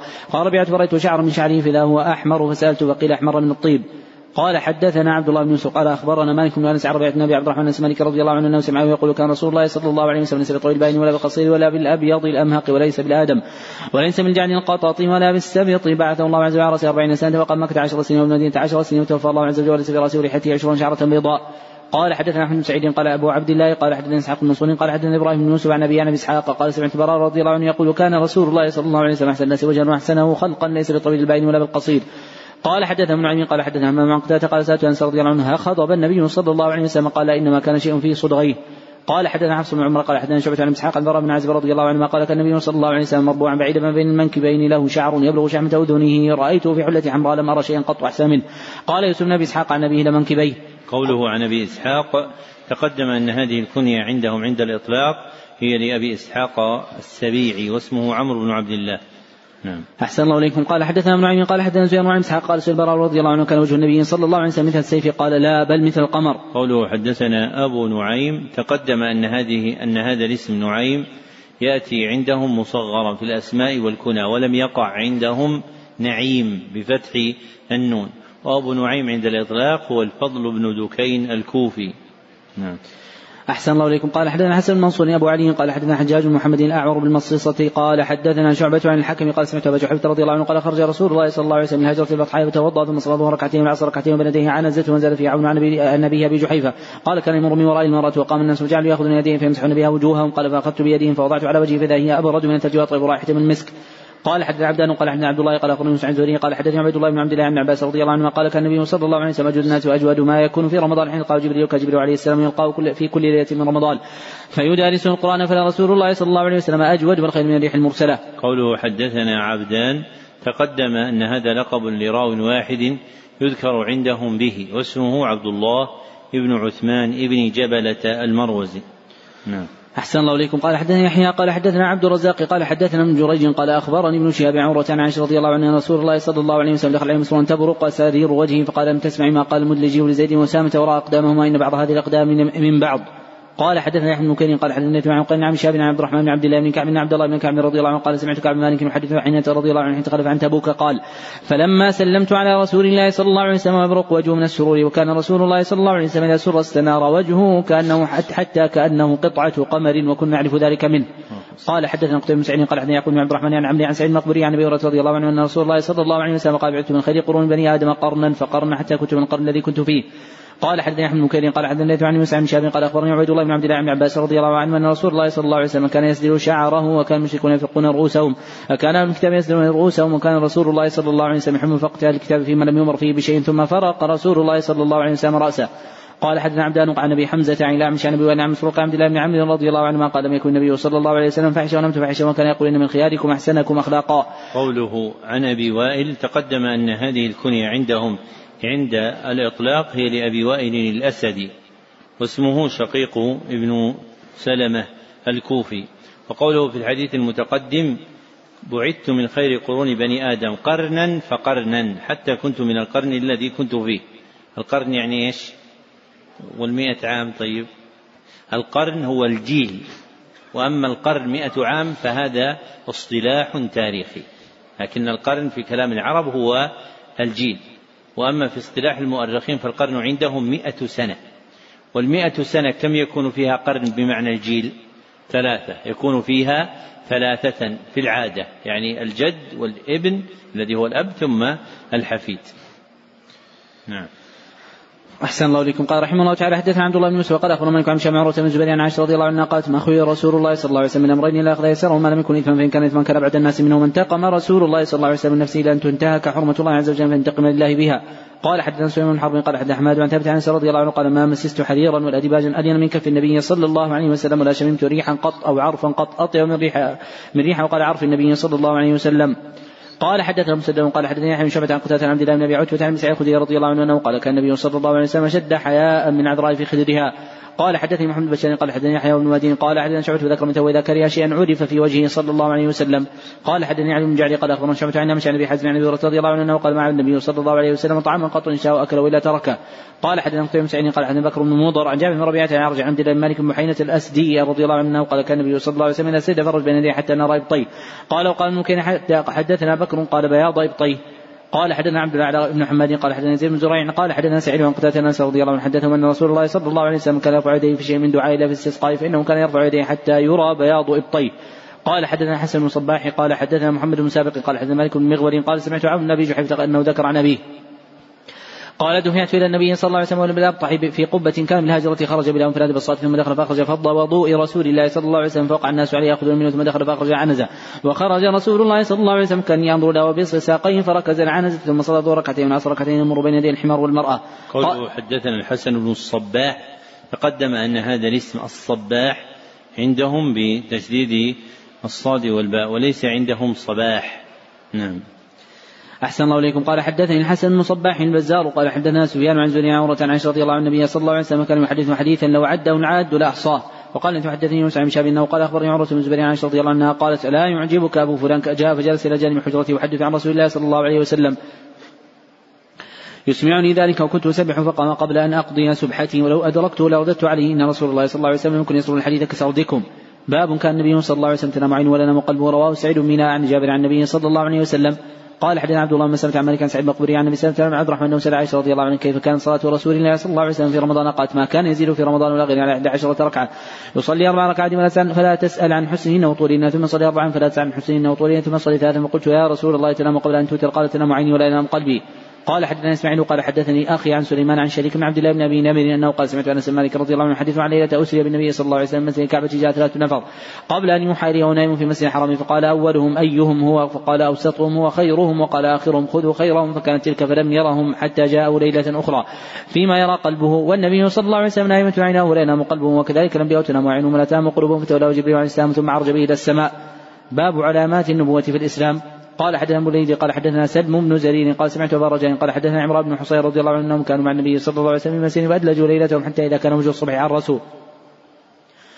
فغلبتهم عينهم حتى ارتفعت الشمس فكان أول من استيقظ من أبو بكر وكان لا يوقظ رسول الله صلى الله عليه وسلم منامه حتى يستيقظ واستيقظ عمر رضي الله عنه فقال أبو بكر رضي الله عنه رأسه وجعلهم كبر ورفع صوته حتى استيقظ النبي صلى الله عليه وسلم ونزل وصلى بين الغداة فاعتزل رجل من القوم المصلي معنا فلما صلى قال يا فلان ما يمنعك أن تصلي معنا؟ قال أصابتني جلامة فأمرني تمام بصعيدي ثم صلى وجعلني رسول الله صلى الله عليه وسلم في ركوب بين يديه وقد عطشنا عطشا جديدا بينما نحن نسير اذا نحن بامرأة سادله رجليها بين مزارتين فقلنا لا أين الماء؟ فقالت إنه لا ماء فقلنا كم بين اهلك وبين الماء؟ قالت يوم وليلة فقلنا انطلق إلى رسول الله صلى الله عليه وسلم قالت وما رسول الله فلم نملكها من أمرها حتى استقبلنا بها النبي صلى الله عليه وسلم فحدثت فحدثته بمثل ما بمثل الذي حدثتنا غير أنها حدثته أنها مؤتمة فأمر بمزالتها والمسح في العزلاوين فشربنا عطاش أربعين رجلا حتى روينا. فملأنا كل قربة معنا وإداوة غير أنه لم نسقي بعيرا وهي تكاد وهي تكاد تنض من الملء. ثم قال هاتوا ما عندكم فجمع لها من الكسر والتمر حتى تأهلها قالت لقيت أسحر الناس أو قالت هو نبي أو هو نبي. قالت لقيت أسحر الناس أو هو نبي كما زعموا. فهدى الله عز وجل ذاك الصير بتلك المرأة وأسلمت وأسلموا. قال حدثني محمد بن قال حدثنا أبي عدي عن سعيد قتادة ان أنس رضي الله عنه أنه قال أوتي النبي صلى الله عليه وسلم بإناء وهو بالزوراء فوضع يده في الإناء فجعل الماء ينبع من بين أصابعه صلى الله عليه وسلم فتوضأ القوم قال قتادة قلت انس كم كنتم؟ قال 300 أو قال زهاء 300 قال حدثنا عبد الله بن مسلمة عن مالك عن إسحاق بن عبد الله بن أبي طلحه عن مالك رضي الله عنه أنه قال رأيت رسول الله صلى الله عليه وسلم حان صلاة العصر فلتمس الوضوء. فلم يجدوه فأتي رسول الله صلى الله عليه وسلم بوضوء فوضع رسول الله صلى الله عليه وسلم يده في ذلك الإناء فأمر الناس أن يتوضأوا منه فرأيت الماء ينبع من تحت أصابعه فتوضأ الناس حتى توضأوا من عند آخرهم. قال حدثنا عبد الرحمن مبارك قال حدثنا حزم قال سمعت الحسن قال حدثنا أنس مالك رضي الله عنه قال خرج النبي صلى الله عليه وسلم بعض مخارجه ومعه ناس من أصحابه انطلقوا يسيرون. فحضرت الصلاة فلم يجدوا ما يتوضأ فطاق رجل من القوم فجاء بقدح من يسير فأخذه النبي صلى الله عليه وسلم توضا ثم دعا اصابعه الاربعه على القدح ثم قال قوم توضأوا فتوضا القوم حتى بلغوا فيما يريدون من الوضوء وكانوا سبعين أو نحوه. قال حدثنا عبد الله بن منير أنه سمع يزيد قال أخبرنا حميد عن أنس رضي الله عنه قال حضرت الصلاة وقال من كان قريب الدار من المسجد يتوضأ وبقي قوم فأتي النبي صلى الله عليه وسلم بمخضب من حجره فيه ماء فوضع كفه فصغر المخضب أن يبسط فيه كفه فضم أصابعه فوضع في المخضب. فتوضأ القوم كلهم جميعا. قلت كم كانوا؟ قال ثمانون رجلا. قال حدثنا موسى بن إسماعيل قال حدثنا عبد العزيز بن مسلم قال حدثنا حسين عن سامي بن أبي الجعد عن جابر بن عبد الله رضي الله عنه أنه قال عطش الناس يوم الحديبية والنبي صلى الله عليه وسلم يديه والنبي صلى الله عليه وسلم يديه ركوة. فتوضأ فجهش الناس نحوه فقال ما لكم؟ قالوا ليس عندنا ماء نتوضأ ولا نشرب إلا من بين يديك. فوضع يده في الركوة فجعل الماء يثور بين أصابعين كم العيون في سربنا وتوضأنا قلت كم كنتم؟ قال لو كنا مئة ألف لكفانا كنا خمس عشرة مئة. قال حدث مالك بن إسماعيل قال حدثني إسرائيل بن إسحاق عن البراء رضي الله عنه قال كنا يوم الحديبية أربع عشرة مئة والحديبية بئر فنزحناها حتى لم نترك فيها قطرة فجلس النبي صلى الله عليه وسلم على شفير البئر فدعا بماء فمضض ومج في البئر فمكثنا غير بعيد ثم استقينا حتى روينا وروت وروت أو قال صدرت ركائبنا. قال حدثنا عبد الله بن يوسف قال أخبرنا مالك عن إسحاق بن عبد الله بن أبي طلحة أنه سمع أنس مالك رضي الله عنه يقول قال أبو طلحة سلم رضي الله عنه ولقد سمعت صوت رسول الله صلى الله عليه وسلم ضعيف نعرف فيه الجوع فعندك من شيء. قالت نعم فأخرجت اقراصا من شعير ثم أخرجت خمارا لا فلفت خبز بعضه ثم دسته تحت يدي ولا تتي من بعضه ثم ارسلتني إلى رسول الله صلى الله عليه وسلم. قال ذهبت به. فوجدت رسول الله صلى الله عليه وسلم في المسجد ومع الناس وقمت عليهم فقال لي رسول الله صلى الله عليه وسلم أرسلك أبو طلحة؟ وقلت نعم. قال بطعام فقلت نعم. فقال رسول الله صلى الله عليه وسلم معه قوموا. فانطلق وانطلقت بين يديهم حتى جئت ابا طلحه فأخبرته. فقال أبو يا ام سليم قد جاء رسول الله صلى الله عليه وسلم بالناس وليس عندنا ما نطعمهم قالت فقالت الله ورسوله أعلم. فانطلق ابو طلحه حتى لقي رسول الله صلى الله عليه وسلم فأقبل رسول الله صلى الله عليه وسلم ابو طلحه معه فقال رسول الله صلى الله عليه وسلم هلم يا أم سليم ما عندك؟ فأتت بذلك الخبز فأمر به رسول الله صلى الله عليه وسلم ففت وعصرت أم سليم عكة فأدمته ثم قال رسول الله صلى الله عليه وسلم فيما شاء الله أن يقول ثم قال ذل عشرة فآذن لهم فأكلوا حتى شبعوا ثم خرجوا ثم قال ذل عشرة فأذن لهم فأكلوا حتى شبعوا ثم خرجوا ثم قال ذل عش لعشرة فأذن لهم فأكلوا حتى شبعوا ثم خرجوا ثم قال ذل عشرة فأكل القوم كلهم وشبعوا والقوم سبعون أو قال ثمانون أو ثمانون رجلا. قال حدثني محمد بن قال حدثنا أبو احمد الزبيري وقال حدثني إسرائيل عن منصور عن إبراهيم عن عبد الله رضي الله عنه قال كنا نعد الآيات بركة وأنتم تعدون تخويفا. كنا مع رسول الله صلى الله عليه وسلم في سفر فقال الماء فقال اطلبوا فضلة من ماء فجاءوا بنا في ماء قديم فتقلدوا في الاناء ثم قال حي على الطهور المبارك والبركة من الله. قال قد رأيت الماء ينبوع من بين أصابع رسول الله صلى الله عليه وسلم قد كنا نسمع تسبيح الطعام وهو يؤكل قال حدثنا ابن عيم قال حدثنا زكريا وقال حدثني عامر قال قال, قال في هذا الحديث قال والبركة من من الله. طيب حديث ما هذه بأول بركتكم يا آل أبي بكر؟ إضافة سبب. أحسن الله إليكم. قال حدثنا ابن عمي قال حدثنا زكريا قال حدثني عمرو قال حدثني جابر رضي الله عنه أن أباه توفي عليه دين فاتت النبي صلى الله عليه وسلم. قلت النبي ترك عليه دين وليس عندي إلا ما يخرج نخله ولا يبلغ ما ما يخرج سنين ما عليه فانطلق معي لكي لا يفحش علي الغرماء. فمشى حول بيدر من بيادر التمر فدعا ثم آخر ثم جلس عليه فقال انزعوه فأوفاهم الذي لهم وبقي مثل ما أعطاهم. قال حدثنا مسلم بن إسماعيل قال حدثنا معتمر عن النبي قال حدثنا أبو عثمان أنه حدثه عبد الرحمن بن أبي بكر رضي الله عنه أن أصحاب الصوفة كانوا ناسا فقراء وأن النبي صلى الله عليه وسلم قال مرة من كان عنده طعام اثنين فليذهب بثالث ومن كان عنده طعام أربعة فليذهب بخمس أو سادس كما قال وإن أبا بكر جاء بثلاثة وانطلق النبي صلى الله عليه وسلم بعشرة وأبو بكر وثلاثة.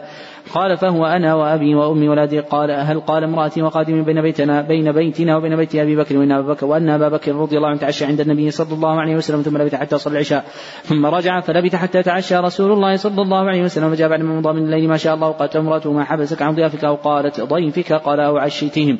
قالت أبو حتى تجي قد عرضوا عليهم فغلبوهم فذهبت فاختبأت فقال يا غنثر فجدع وسب وقال كلوا وقال لا طعموا أبدا. قال ويم الله ما كنا نأخذ من لقوة إلا ربا من أسفلها أكثر منها حتى شبعوا وصارت أكثر مما كانت قبله فنظر أبو بكر رضي الله عنه فإذا شيء أو أكثر فإذا شيء أو أكثر قال لامرأته يا أخت بني فراس.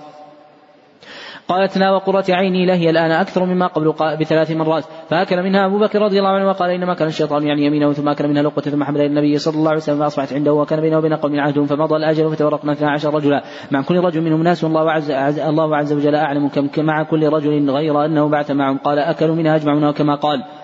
قال حدثنا مسدد قال حدثنا أحمد بن عبد العزيز عن أنس رضي الله عنه عن يوسف عن ثابت عن أنس رضي الله عنه قال أصاب أهل المدينة قحط على عهد رسول الله صلى الله عليه وسلم بينما يخطب يوم جمعة فقام رجل وقال يا رسول الله هلكت الكراع وهلكت الشاء فادعوا الله أن يسقينا فمد يديه ودعا قال أنس رضي الله عنه السماء مثل الزجاجة فاجت ريح أنشأت سحابا ثم اجتمعت ثم أرسلت السماء عزاريها فخرجنا ناخذ الماء حتى أتينا منازلنا فلم نزل نمطر إلى الجمعه الاخرى فقام الي ذلك الرجل أو غيره فقال يا رسول الله تهدم البيوت فادعوا الله عز وجل يحبسه فتمسم ثم قال حوالينا ولا علينا فنظرت إلى السحاب تصدع حول المدينة كأنه إكليل. قال حدثنا محمد بن قال حدثنا قدم في الأحاديث أن النبي صلى الله عليه وسلم نبع بين أصابعه الماء في غير قصة.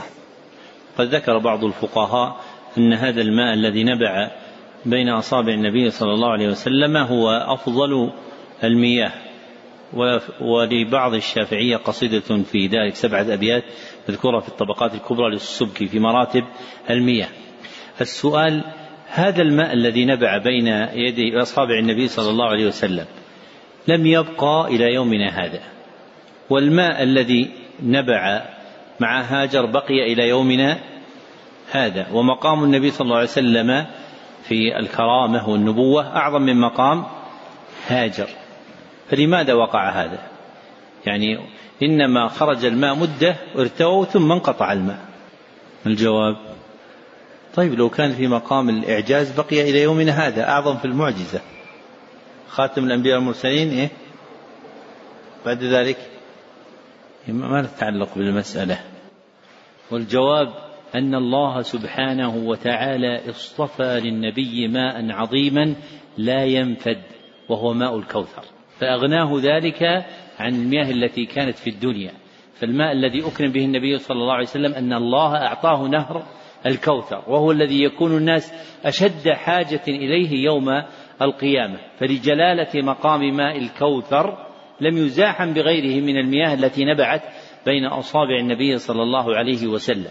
لذلك من مدارك العلم التي كان يعتني بها أهل العلم ولا سيما في رمضان آيات النبوة وخصائص النبي صلى الله عليه وسلم. كان إلى وقت قريب في بعض البلدان تقرأ الكتب المصنفة في ذلك وخاصة الخصائص الكبرى والصغرى للسيوطي ويتأمل في معانيها. وما تعلق بالسيرة فيه موارد من العلم صارت لا تذكر ولا تبين ومن أشدها أهمية دلائل النبوة. فهذا النوع من العلم حقيق بأن يعتنى به خاصة في هذه الأزمنة في تعزيز الإيمان وتقوية التصديق والاتباع والتسليم للنبي صلى الله عليه وسلم. وأرجو أن يكون إن شاء الله تعالى لنا معه برنامج في ضمن ما يتعلق بالشمائل فإن مما يتبعها ما يتعلق بالدلائل وما يتعلق بالخصائص. هذا طالب العلم يحتاجه والناس عامة يحتاجونه. فإنه كلما نظر الإنسان في هذا الباب رأى ما أحيط به النبي صلى الله عليه وسلم من العظمة والجلال وأن من أعظم نعم الله سبحانه وتعالى علينا أن اصطفى لنا محمد صلى الله عليه وسلم. وهذه نعمة يغفل عنها كثير من الناس أن الله أرسل إليه محمدا صلى الله عليه وسلم الذي هو خير أنبيائه ورسله وأكرم الخلق على الله سبحانه وتعالى وجعله الله خاتم الأنبياء والمرسلين. وهذه النعمة تستوجب شكرها والاعتناء بحفظها ومما يقوي حفظها الاطلاع على أحواله صلى الله عليه وسلم. في سنته وفي سيرته وفي دلائل نبوته صلى الله عليه وسلم وفي خصائصه. نعم. أحسن الله إليكم. قال حدثنا محمد بن مثنى قال حدثنا ابن كثير أبو غسان قال حدثنا أبو حفص اسمه عمر بن علاء أخو أبي عمرو بن علاء قال سمعت نافع بن عمر رضي الله عنه قال كان النبي صلى الله عليه وسلم يخطب إلى جذع فلم تخذ من برة حوله فحن الجذع فأتاه فمسح يده عليه صلى الله عليه وسلم.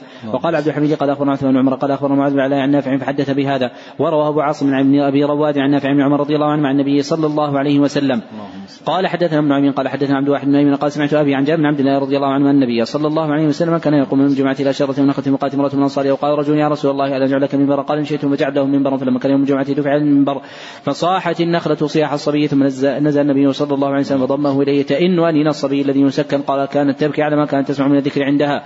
قال حدثنا إسماعيل وقال حدثني أخي عن سليمان بن عن يحيى بن سعيد قال أخبرني حفص بن عبيد الله بن أنس بن مالك أنه سمع بن عبد الله رضي الله عنه يقول كان المسجد مسقوفا على جذوع من نخل فكان النبي صلى الله عليه وسلم إذا خطب يقوم من جذع منها فلما صنع له المنبر كان عليه فسمعنا لذلك الجذع صوتا كصوت العشار حتى جاء النبي صلى الله عليه وسلم فوضع يده عليها فسكنت قال حدثنا محمد بن بشار قال حدثنا أبي عدي عن شعبة قال حدثني بشر بن خالد قال حدثنا محمد عن شعبة عن سليمان أنه قال سمعت أبا وائل يحدث عن حذيفة رضي الله عنه عن الخطاب رضي الله عنه قال أيكم يحفظ قول رسول الله صلى الله عليه وسلم فتنه قال حذيفة رضي الله عنه أحفظ كما قال قال هات إنك لجريء.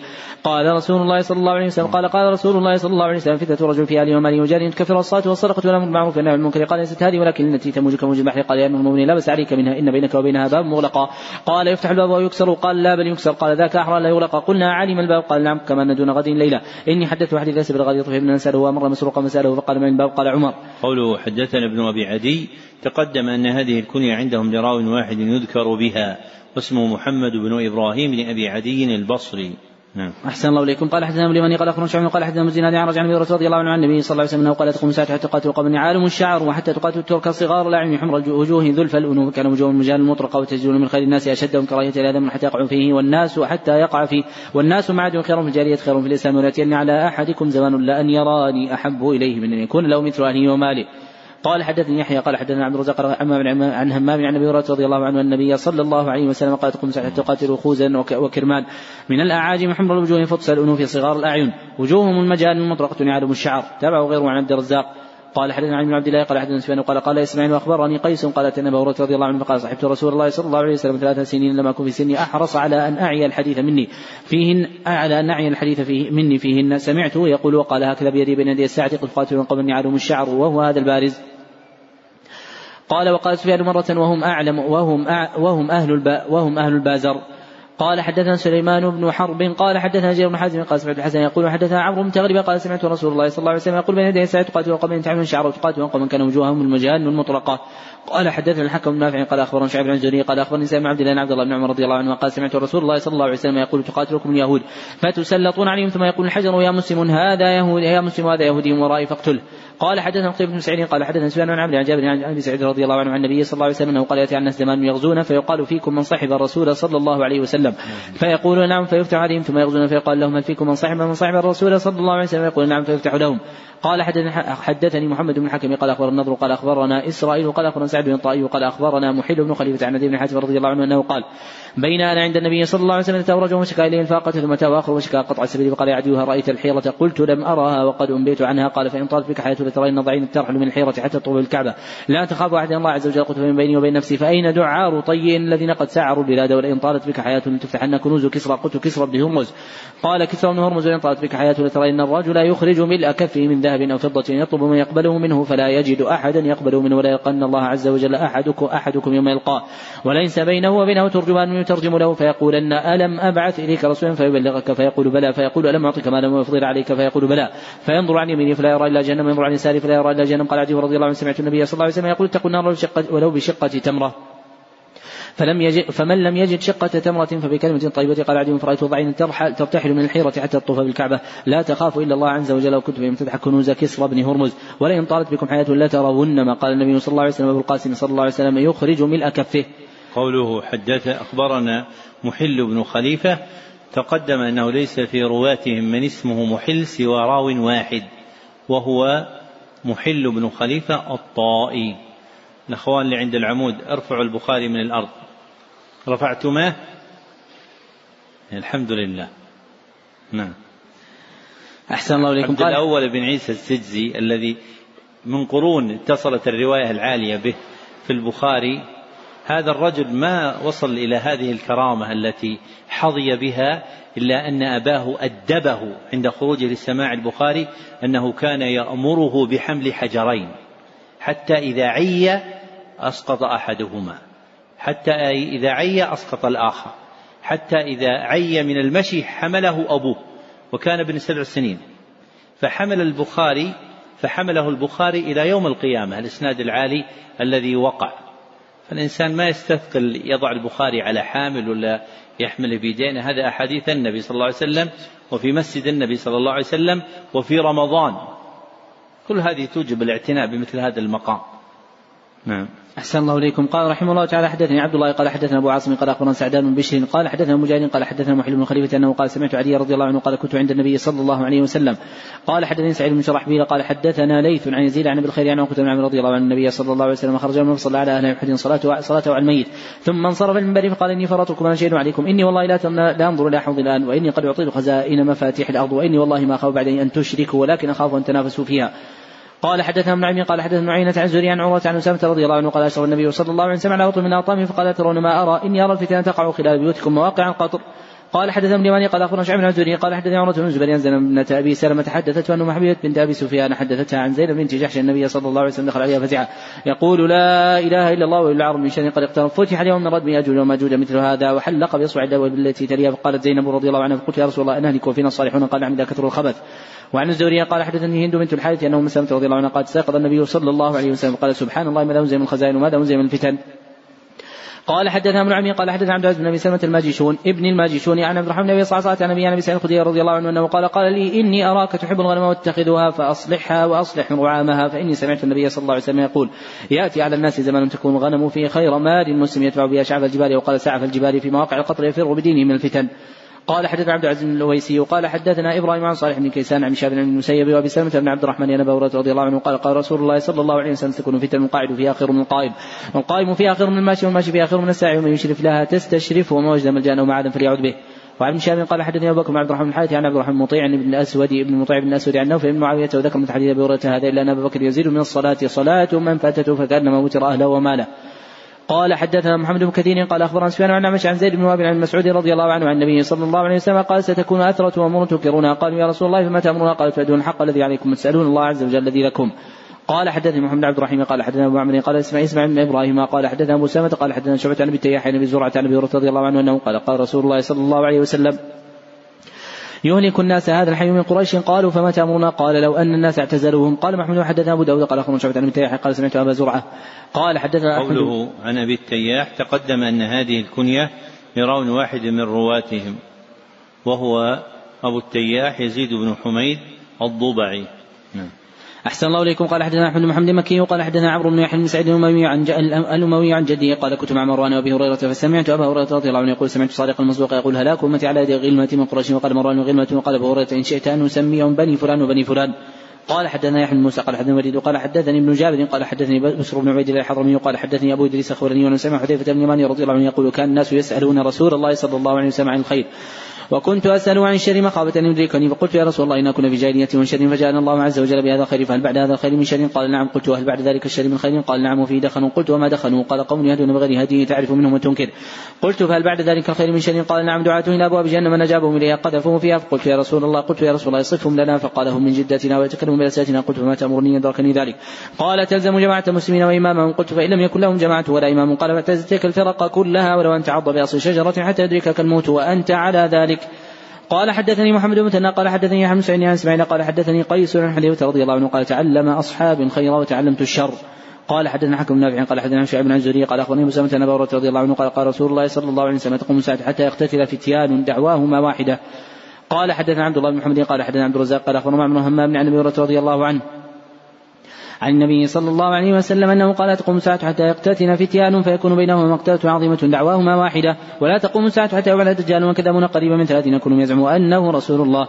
قال حدثنا ابن اليمني قال أخبرنا شعب بن الزهري قال أخبرني مسلمة بن عبد الرحمن بن سعيد الخدري رضي الله عنه قال بينما نحن عند رسول الله صلى الله عليه وسلم نقسم قسم تاود الخيصرة وهو رجل من بني تميم فقال يا رسول الله يعدل فقال ويلك ومن يعدل إذا لم يعدل قد خبت وخسرت ان لم يكن عدل فقال عمر رضي الله عنه يا رسول الله اذن لي فيه فأضرب عنقه. فقال دعوا فانه أصحاب يحقر أحدكم صلاته مع صلاته وصيامه يحقر أحدكم صلاته مع صلاتهم وصيامه مع صيامهم. يقرؤون القرآن لا يجاوز ترقيهم يمرقون من الدين كما يمرق السهم من الرمية. ينظر إلى نصره فلا يوجد فيه شيء ثم ينظر إلى رصافه فما يوجد فيه فما يوجد فيه شيء ثم ينظر إلى نضيه وهو قدحه فلا يوجد فيه شيء. ثم ينظر إلى قذذه فلا يوجد فيه شيء. قد سبق الفرث والدم آيتهم رجل أسود إحدى عضدين مثل ثدي المرأة. أو قال مثل بضعة تدردر ويخرجون على حين فرقة من الناس. قال أبو سعيد فأشهد أني سمعت هذا الحديث من رسول الله صلى الله عليه وسلم. وشهد علي بن أبي طالب رضي الله عنه قاتل معه فأمر بذلك الرجل التمس فأتي به حتى نظرت إليه على نعت النبي صلى الله عليه وسلم الذي نعته. قال حدثنا محمد بن كثير قال أخبرنا سفيان عن عن خيثمة عن سويد بن غفلة أنه قال قال علي رضي الله عنه إذا حدثتكم عن رسول الله صلى الله عليه وسلم ان خيرا من السماء أحب الي من أن اكذب عليه. وإذا حدثتكم فيما بيني وبينكم فإن الحرب خدعه سمعت رسول الله صلى الله عليه وسلم يقول يأتي في آخر الزمان قوم حدثاء الاسنان سفهاء الأحلام يقول من خير قوم البريه يمرق من السام كما يمرق السهم من الرمية. لا يجاوز إيمانهم حناجرهم فإنما لقيتموهم فاقتلوهم فإن قتلهم أجر لمن قتلهم يوم القيامة. قوله عن سويد بن غافله لم يقع هذا الاسم غفلة محركا إلا اسم هذا الراوي سويد بن غفلة الكوفي. نعم. أحسن الله إليكم. قال حدثني محمد بن مثنى قال حدثني يحيى إسماعيل قال حدثنا قيس عن خباب بن أردت رضي الله عنه قال شكونا إلى رسول الله صلى الله عليه وسلم ومتوسد بردة له في ظل الكعبة قلنا له ألا تستنصر لنا ألا تدعو الله لنا؟ قال كان الرجل في من كان قبل في من قبلكم يحفر له في الأرض فيجعل فيه فيجاوب بالمنشار فيوضع على رأسه فيشق باثنتين وما صد ذلك عن دينه ويمشط ويمشط الحديد ما دون لحمه من عظم وعصب وما صد ذلك عن دينه. والله لا يتمن الله عز وجل هذا الأمر. والله لا يتم لا يتمن هذا الأمر حتى يسير الراكب من صنعاء لا يخاف إلا الله عز وجل على غنمه ولكنكم تستعجلون. قال حدثنا علي بن عبد الله قال حدثنا زر بن سعد قال حدثنا معن قال أنبأني موسى بن أنس عن اسمانك رضي الله عنه النبي صلى الله عليه وسلم افتقد ثابت بن قيس وقال رجل يا رسول الله أنا أعلم لك علمه فتاه فوجده جالسا في بيته ملكسر رأسه وقال ما شأنك؟ فقال شر كان يرفع صوته فوق صوت النبي صلى الله عليه وسلم وقد حبط عمله وهو من أهل النار فأتى الرجل فأخبره أنه قال كذا وكذا وقال موسى بن أنس فرجع المرة الآخرة ببشارة عظيمة فقال إليه فقل له إنك لست من أهل النار ولكن من أهل الجنة. قال حدثني محمد بن قال حدثنا غدوم قال حدثنا شبة عن إسحاق قال سمعت براء بن عازب رضي الله عنهما قال قرى رجل كهفه في الدار الدابة فجعلت تنفر فسلم فإذا ضبابة قال سحابة غشيت. فذكره للنبي صلى الله عليه وسلم قال اقرأ فلان فإنها السكينة نزلت القرآن وقال تنزلت القرآن. قال حدثنا محمد بن يوسف قال حدثنا أحمد بن إبراهيم بن إبراهيم أبو الحسن الحراني قال حدثنا جار بن معاوية قال حدثنا أبو إسحاق قال سمعت بن عازب رضي الله عنه يقول جاء أبو بكر رضي الله عنه إلى ابي, إلى أبي في منزله. فاشترى منه رحلا فقال لعازم بعث ابنك يحمله معي. قال فحملته معه وخرج أبي ينتقل ثمنه. فقال أبي يا أبا بكر حدثني كيف صنعت ما حين سريت مع رسول الله صلى الله عليه وسلم. قال نعم اسرينا ليلة من الغد. حتى قام قائم الظهيرة وخلى الطريق لا يمر فيه أحد. فرفعت لنا صخرة طويلة لها ظل لم تأتي عليه شمس فنزلنا عنده وسويت وسويت النبي صلى الله عليه وسلم مكانا بيدي نام عليه وبسطت فيه فروة. وقلت نم يا رسول الله ولا انفض لك ما حولك. فنام وخرجت انفض ما حوله أنا براع مقبل بغنمه إلى الصخرة يريد منها مثل الذي أردنا. فقلت لمن أنت يا غلام؟ قال رجل من أهل المدينة أو قال مكة. قلت أفي غنمك لبن؟ قال نعم. فقلت أفتحلب؟ قال نعم. فأخذ شاة وقلت انفض الضرع من التراب والشعر. والشعر والقذى قال فرأيت البراء يضرب إحدى يديه على الأخرى ينفض فحلب في قعب كثبة من لبن ومعي داوت وحملت النبي صلى الله عليه وسلم يرتوي منها يشرب ويتوضأ. فأتيت النبي صلى الله عليه وسلم كرهت أن أوقظه فوافقت حين استيقظ فصرفت من الماء على اللبن حتى برد أسفله فقلت اشرب يا رسول الله. قال فشرب حتى رضيت ثم قال لم يعني للرحيل. قلت بلى. قال فارتحلنا بعدما مالت الشمس واتبعنا سراقة بن مالك. فقلت أتينا يا رسول الله. فقال تحزن إن الله معنا. فدعا عليه النبي صلى الله عليه وسلم وارتطمت به. فرسول إلى بطنها أرى في جلد من الأرض. شك زهير فقال إني أراكما. قد دعوتما علي. فادعوا الله. فادعوا لي فالله لكما أن أرد عنكما الطلب. فدعا له النبي صلى الله عليه وسلم فنجا فجعل لا يلقى أحد. إن قال كفيتكم ما هنا ما هنا فلا يلقى أحد. يرده قال ووفى لنا. قال حدثنا معلم الناس قال حدثنا عبد العزيز المختار قال حدثنا خالد عن كلمة عن عباس رضي الله عنه النبي صلى الله عليه وسلم دخل عربي على عربي يعوده قال وكان النبي صلى الله عليه وسلم دخل على مريض يعوده قال بس طهور إن شاء الله. فقال له لا بس طهور إن شاء الله. قال قلت طهور كلا بل هي حمى تفور أو قال تثور على شيخ كبير تزيره القبور. فقال النبي صلى الله عليه وسلم فنعم اذا قال حدثنا أبو معمر قال حدثنا عبد الوارث قال حدثنا عبد العزيز عن أنس رضي الله عنه قال كان رجل نصراني فأسلم وقرا البقره وال عمران فكان يكتب النبي صلى الله عليه وسلم فعاد نصرانيا فكان يقول ما يدري محمد لما كتبت له. فأماته الله عز وجل فدمه واصبح وقد لفظته الأرض. قالوا هذا فعل محمد صلى الله عليه وسلم وأصحابه. فلما لما هرب لما هرب منهم نمشوا عن صاحبنا فالقوم فحفروا له فأعمقوا فأصبحوا قد لفظته الأرض فقالوا هذا فعل محمد وأصحابه نمشوا عن صاحبنا لما هرب منهم. فالقوم فحفروا له وأعمقوا له في الأرض ما استطاعوا فأصبح قد لفظته الأرض فعلموا أنه ليس من الناس فالقوه قال حدثني احمد كني قال حدثني عن سعيد شامي قال أخبرني ابن مسيب عن أبي هريرة رضي الله عنه أنه قال قال رسول الله صلى الله عليه وسلم ذلك كسرى ولا كسرى بعد وذلك قيصر ولا قيصر بعد والذي نفس محمد بيده لا تنفقن كنوزهما في سبيل الله. قال حدثنا قبيصة قال حدثنا سفيان عن عبد الملك بن عمير عن جابر بن سمرة رضي الله عنه رفعه وقال إذا كسرى ولا كسرى بعده وذكر وقال تنفقن كنوزهما في سبيل الله. قال حدثنا أبو اليمان قال حدثنا شعيب عن عبد الله بن أبي حسين قال حدثنا نافع بن عن ابن عباس رضي الله عنهما قال قدم مسيلمة الكذاب على عهد رسول الله صلى الله عليه وسلم جعل يقول إن جعل لي محمد الأمر من بعده. تبعته وقدم في بشر كثير من قومه فأقبل إليه رسول الله صلى الله عليه وسلم مع ثابت بن قيس بن شماس رضي الله عنه في يد رسول الله صلى الله عليه وسلم قطعة جريد. حتى وقف على مسيلمة واصحابه فقال لو سألتني هذه القطعة ما أعطيتكها؟ ولن تعدو أمر الله عز وجل فيك ولئن أدبرت ليعقرنك الله واني لاراك الذي أريت فيك ما, ما, ما رأيت. فأخبرني أبو رضي الله عنه أن رسول الله صلى الله عليه وسلم قال بينما أنا نائم رأيت في يدي سوارين من ذهب فأهمني شانهما فأوحي إلي في المنام أن انفخهما فنفختهما فطارا فاولتهما كذابين يخرجان بعدي فكان أحدهما عن سيا والآخر مسيلمه كذاب صاحب اليمامة؟ قال حدثني محمد بن علاء قال حدث أحمد بن سامة عن بريد مع عبد الله بن أبي عن جدي أبي عن موسى رضي الله عنه وروى عن النبي صلى الله عليه وسلم أنه قرات في المنام اني اهاجر مكه إلى ارض بها نخل فذهب وأهلي إلى انها اليمامه أو قال هاجر فإذا هي المدينة يثرب ورأيت في رؤياي هذه أني هززت سيفا فقطع صدره فإذا هو فإذا هو ما أصيب من المؤمن يوم احد ثم هززت باخرى فعاد أحسن ما كان فإذا هو ما جاء الله عز وجل من فتح اتباع المؤمنين ورأيت فيها بقرا والله خير فإذا هم المؤمنون يوم أحد. وإذا الخير ما جاء الله عز وجل من الخير وثواب الصدق الذي آتانا الله عز وجل بعد يوم بدر. قال حدثنا ابن عين قال حدثنا زكريا وعن فراس عن عامر عن مسروق عن عائشة رضي الله عنها أنها قالت أقبلت فاطمة تمشي كان مشيتها مشي النبي صلى الله عليه وسلم وقال النبي صلى الله عليه وسلم مرحبا ابنتي ثم جلس عن يمينه وعن شماله ثم اسال حديثا فبكت فقلت لما تبكين؟ ثم اسال حديثا فضحكت فقلت ما رأيتك اليوم فرحا أقرب من حزن؟ فسالتها عما قال فقالت ما كنت لافشي سر رسول الله صلى الله عليه وسلم حتى قبل النبي صلى الله عليه وسلم. سالتها فقالت أسر إلي أن جبريل كان يعارضون القرآن كل سنة مرة وإنه عرضني العام مرتين ولا أراه لحضر أجي منك أول أهل بيتنا حاقا به وكيت وقال ما ترضين أن تكوني سيدة نساء أهل الجنة وقال نساء المؤمنين فضحكت لذلك. قوله عن فراس تقدم أنه ليس في رواة الستة من اسمه فراس سوى فراس بن يحيى الكوفي. نعم. صلى الله عليكم قال حدثني يحيى بن قزعة قال حدثني إبراهيم بن عن أبي عن عروة عن عائشة رضي الله عنها قالت لعن النبي صلى الله عليه وسلم فاطمة في شكوى الذي قبض فيه فسار بشيء فبكت ثم دعا فضحكت قالت فسألت عن ذلك فقالت سار النبي صلى الله عليه وسلم فأخبرني أن يقبض في وجع الذي توفي فيه فبكيت ثم سارني فأخبرني أني أول أهل بيته أتبعه فضحكت. قال حدثنا محمد بن عراوة قال حدثنا شعبة عن بشير عن سعيد بن عباس رضي الله عنه قال كلام الخطاب رضي الله عنه ابن عباس رضي الله عنه قال عبد الرحمن بن عوف رضي الله عنه لنا ابناء مثله فقال إنه من حيث تعلم سال عمر بن عباس رضي الله عنه هذه الآية إذا جاء نصر الله والفتح. فقال أجل رسول الله صلى الله عليه وسلم أعلمه إياه. قال ما أعلم منها إلا ما تعلم. قال حدثنا ابن عبد قال حدثنا عبد الرحمن بن سليمان بن حضرة بن غسيل. قال حدثنا عن كلمة عن عباس رضي الله عنهما قال خرج رسول الله صلى الله عليه وسلم المرض الذي مات فيه من حفة قد عصى بعصابة دسماء حتى جلس على المنبر بحمد الله تعالى ثم قال أما بعد فإن الناس يكثرون ويقل الأنصار حتى يكونوا في الناس من منزلة من حفظ الطعام فمن ولي منكم شيئا يضر فيه قوم ينفع في آخر فليقل محسنين ويتجاوز عن مسلم فكان آخر مجلس جلس به النبي صلى الله عليه وسلم. قوله حدثنا عبد الرحمن بن سليمان بن حنظلة بن الغسيل. تقدم أن ابن الغسيل لقب في صورة كنية.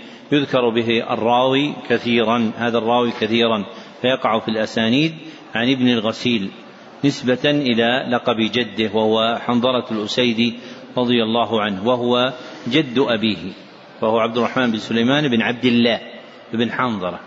نعم. أحسن الله إليكم. قال حدثني عبد الله بن محمد قال حدثني حماد قال حدثني عن سعيد جعفي عن أبي موسى عن الحسن عن أبي بكرة رضي الله عنه أنه قال أخرج النبي صلى الله عليه وسلم ذات يوم حسنا صعد به عن منبري فقال إني هذا سيد ولعل الله عز وجل يصحى به بين فئتين من المسلمين.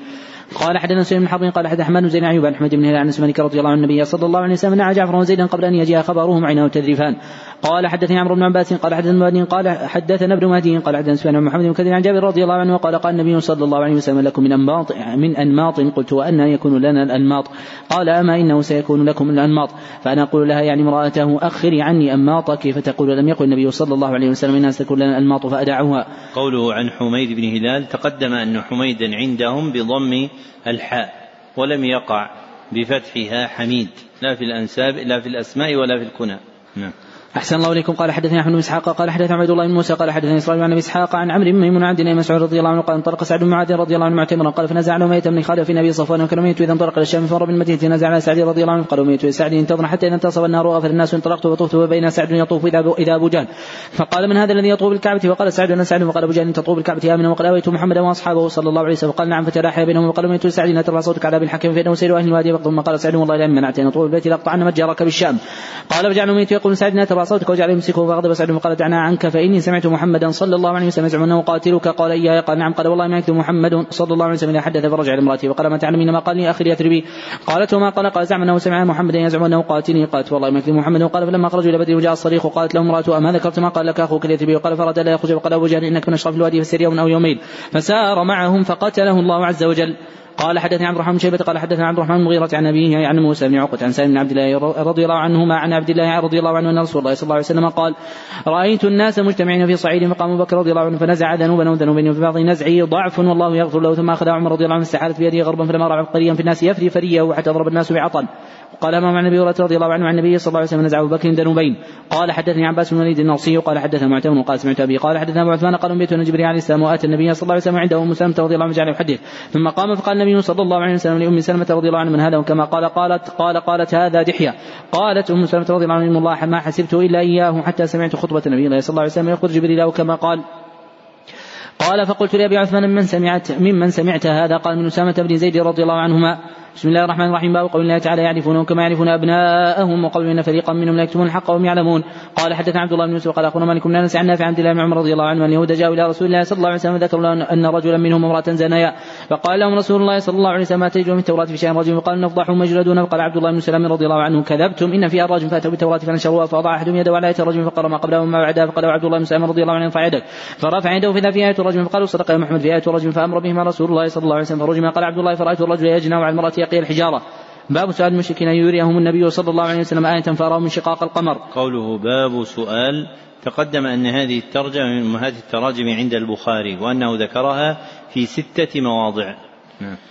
أحسن الله إليكم. قال حدثنا صدقة من فضل قال أخبر ابن عن النبي نجحنا مجاني عن النبي مع عبد الله مسعود رضي الله عنه قال انشق القمر على عهد رسول الله صلى الله عليه وسلم شق قال انشق القمر على عهد رسول الله صلى الله عليه وسلم شقتين فقال النبي صلى الله عليه وسلم اشهدوا. قوله عن ابن أبي نجيح تقدم أن هذه الكنية عندهم لراو واحد هو عبد الله بن أبي نجيح المكي واسم أبي نجيح يسار نعم أحسن الله إليكم قال حدثني عبد الله بن محمد قال حدثني يوسف قال حدثني شيبان وعن قتادة عن مالك رضي الله عنه وقال لي خليفة حدثني زيد بن زرعين قال حدثني سعيد وعن قتادة عن مالك رضي الله عنه أنه حدثهم أن أهل مكة رسول الله صلى الله عليه وسلم يريهم آية فأروا من شقاق القمر. قوله حدثنا شيبان تقدم أن هذا الاسم عندهم عند الإطلاق هو لشيبان بن عبد الرحمن التميمي. نعم.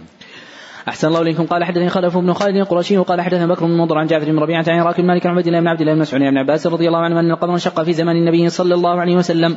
باب قال حدثني محمد بن قال حدثنا معاذ قال حدثني أبي عن قال حدثنا سوره رضي الله عنه رجال من أصحاب النبي صلى الله عليه وسلم خرج من عند النبي صلى الله عليه وسلم ليله مظلمه ومعهما مثل المصباحين يضيئان بين أيديهما فلما افترقا. فلما افترقا صار مع كل واحد منهما واحد حتى أتى أهله. قال حدثنا عبد الله بن أبي الأسود قال حدثنا يحيى عن إسماعيل قال حدثنا قيس قال سمع المغيرة بن شعبة رضي الله عنه عن النبي صلى الله عليه وسلم قال يزال الناس من امتي ظاهرا حتى يأتيهم أمر الله عز وجل ظاهرون. قال حدثنا حميد وقال حدثنا وليد وقال حدثني ابن جابر قال حدثني عمير بن هاني أنه سمع معاوية رضي الله عنه يقول سمعت النبي صلى الله عليه وسلم يقول يزال من امتي امه قائمة بامر الله لا يضر من خذلهم ولا من خالف حتى يأتيهم أمر الله عز وجل وهم على ذلك.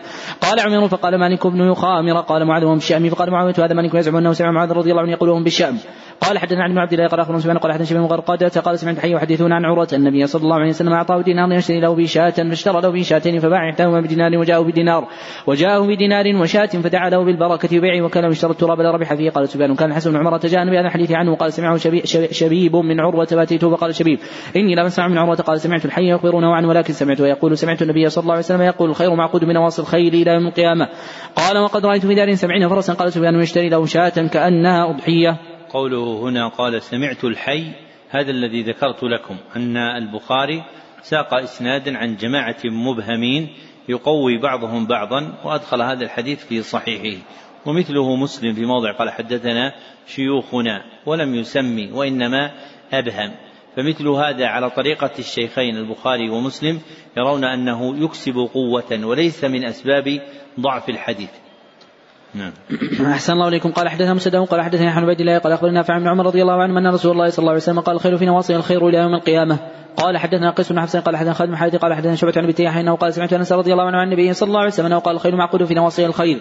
قال حدثنا عبد الله بن سبت عن مالك عن زيد بن اسلم عن النبي عليه وسلم عن أبي هريرة رضي الله عنه عن النبي صلى الله عليه وسلم أنه قال الخير لثلاثة لرجل أجر ولرجل ستر وعلى رجل وزر. فأما الذين له أجر فرجل ربط في سبيل الله فطالها في مرجع وروضة ما اصابت في طيالها من مرجع وروضة كانت له حسنات ولو أنها قطعت طيالها فاستنت شرفا وشرف إن كانت ارواث حسنات له ولو أنها مرت بنهر شربت ولم يرد أن يسقيها كان ذلك له حسنات. ورجل ربطها تغنيا وسترا وتعفوا ولم ينسى حق الله عز وجل في رقابها وظهورها فهي له كذلك ستر ورجل ربطها فخرا ورياء ولأهل الإسلام فهي وزر, فهي وزر. وسئل النبي صلى الله عليه وسلم عن الحمر فقال ما أنزل عليها فيها إلا هذه الآية الجامعة الفاذة فمن يعمل مثقال ذرة خيرا يره ومن يعمل مثقال ذرة شرا يره. قال حدثنا علي بن عبد الله قال حدثنا سفيان قال حدثنا ابن محمد قال سمعت أنس مالك رضي الله عنه يقول صبح رسول الله صلى الله عليه وسلم خير بكرة وقد خرجوا من المساحي فلما راوا قالوا محمد والخميس واحد الحصن يسعون فرفع النبي صلى الله عليه وسلم يديه وقال الله أكبر خانبت خيبر إنا إذا نزل مساحة قوم. مساء صباح المنذرين. قال حدثني إبراهيم المنذرين قال حدثنا ابن فديك عن ذر عن المقبري عن أبي رضي الله عنه قال قلت يا رسول الله إني سمعت منك حديثا كثيرا فأنساه قال ابسط رداءك. فبسطت فغرف بيده فيه ثم قال ضمه فضممته فما نسيت حديثا بعد. قوله عن ابن أبي ذئب تقدم أن هذه الكنية عندهم لراو واحد يعرف بها وهو محمد بن عبد الرحمن ابن أبي ذئب القرشي. قوله حدثنا ابن أبي الفديك تقدم أن هذه الكنية عندهم لراو واحد وهو محمد بن إسماعيل ابن أبي فديك ويقال الفديك المدني. وهذا آخر هذا المجلس والحمد لله رب العالمين.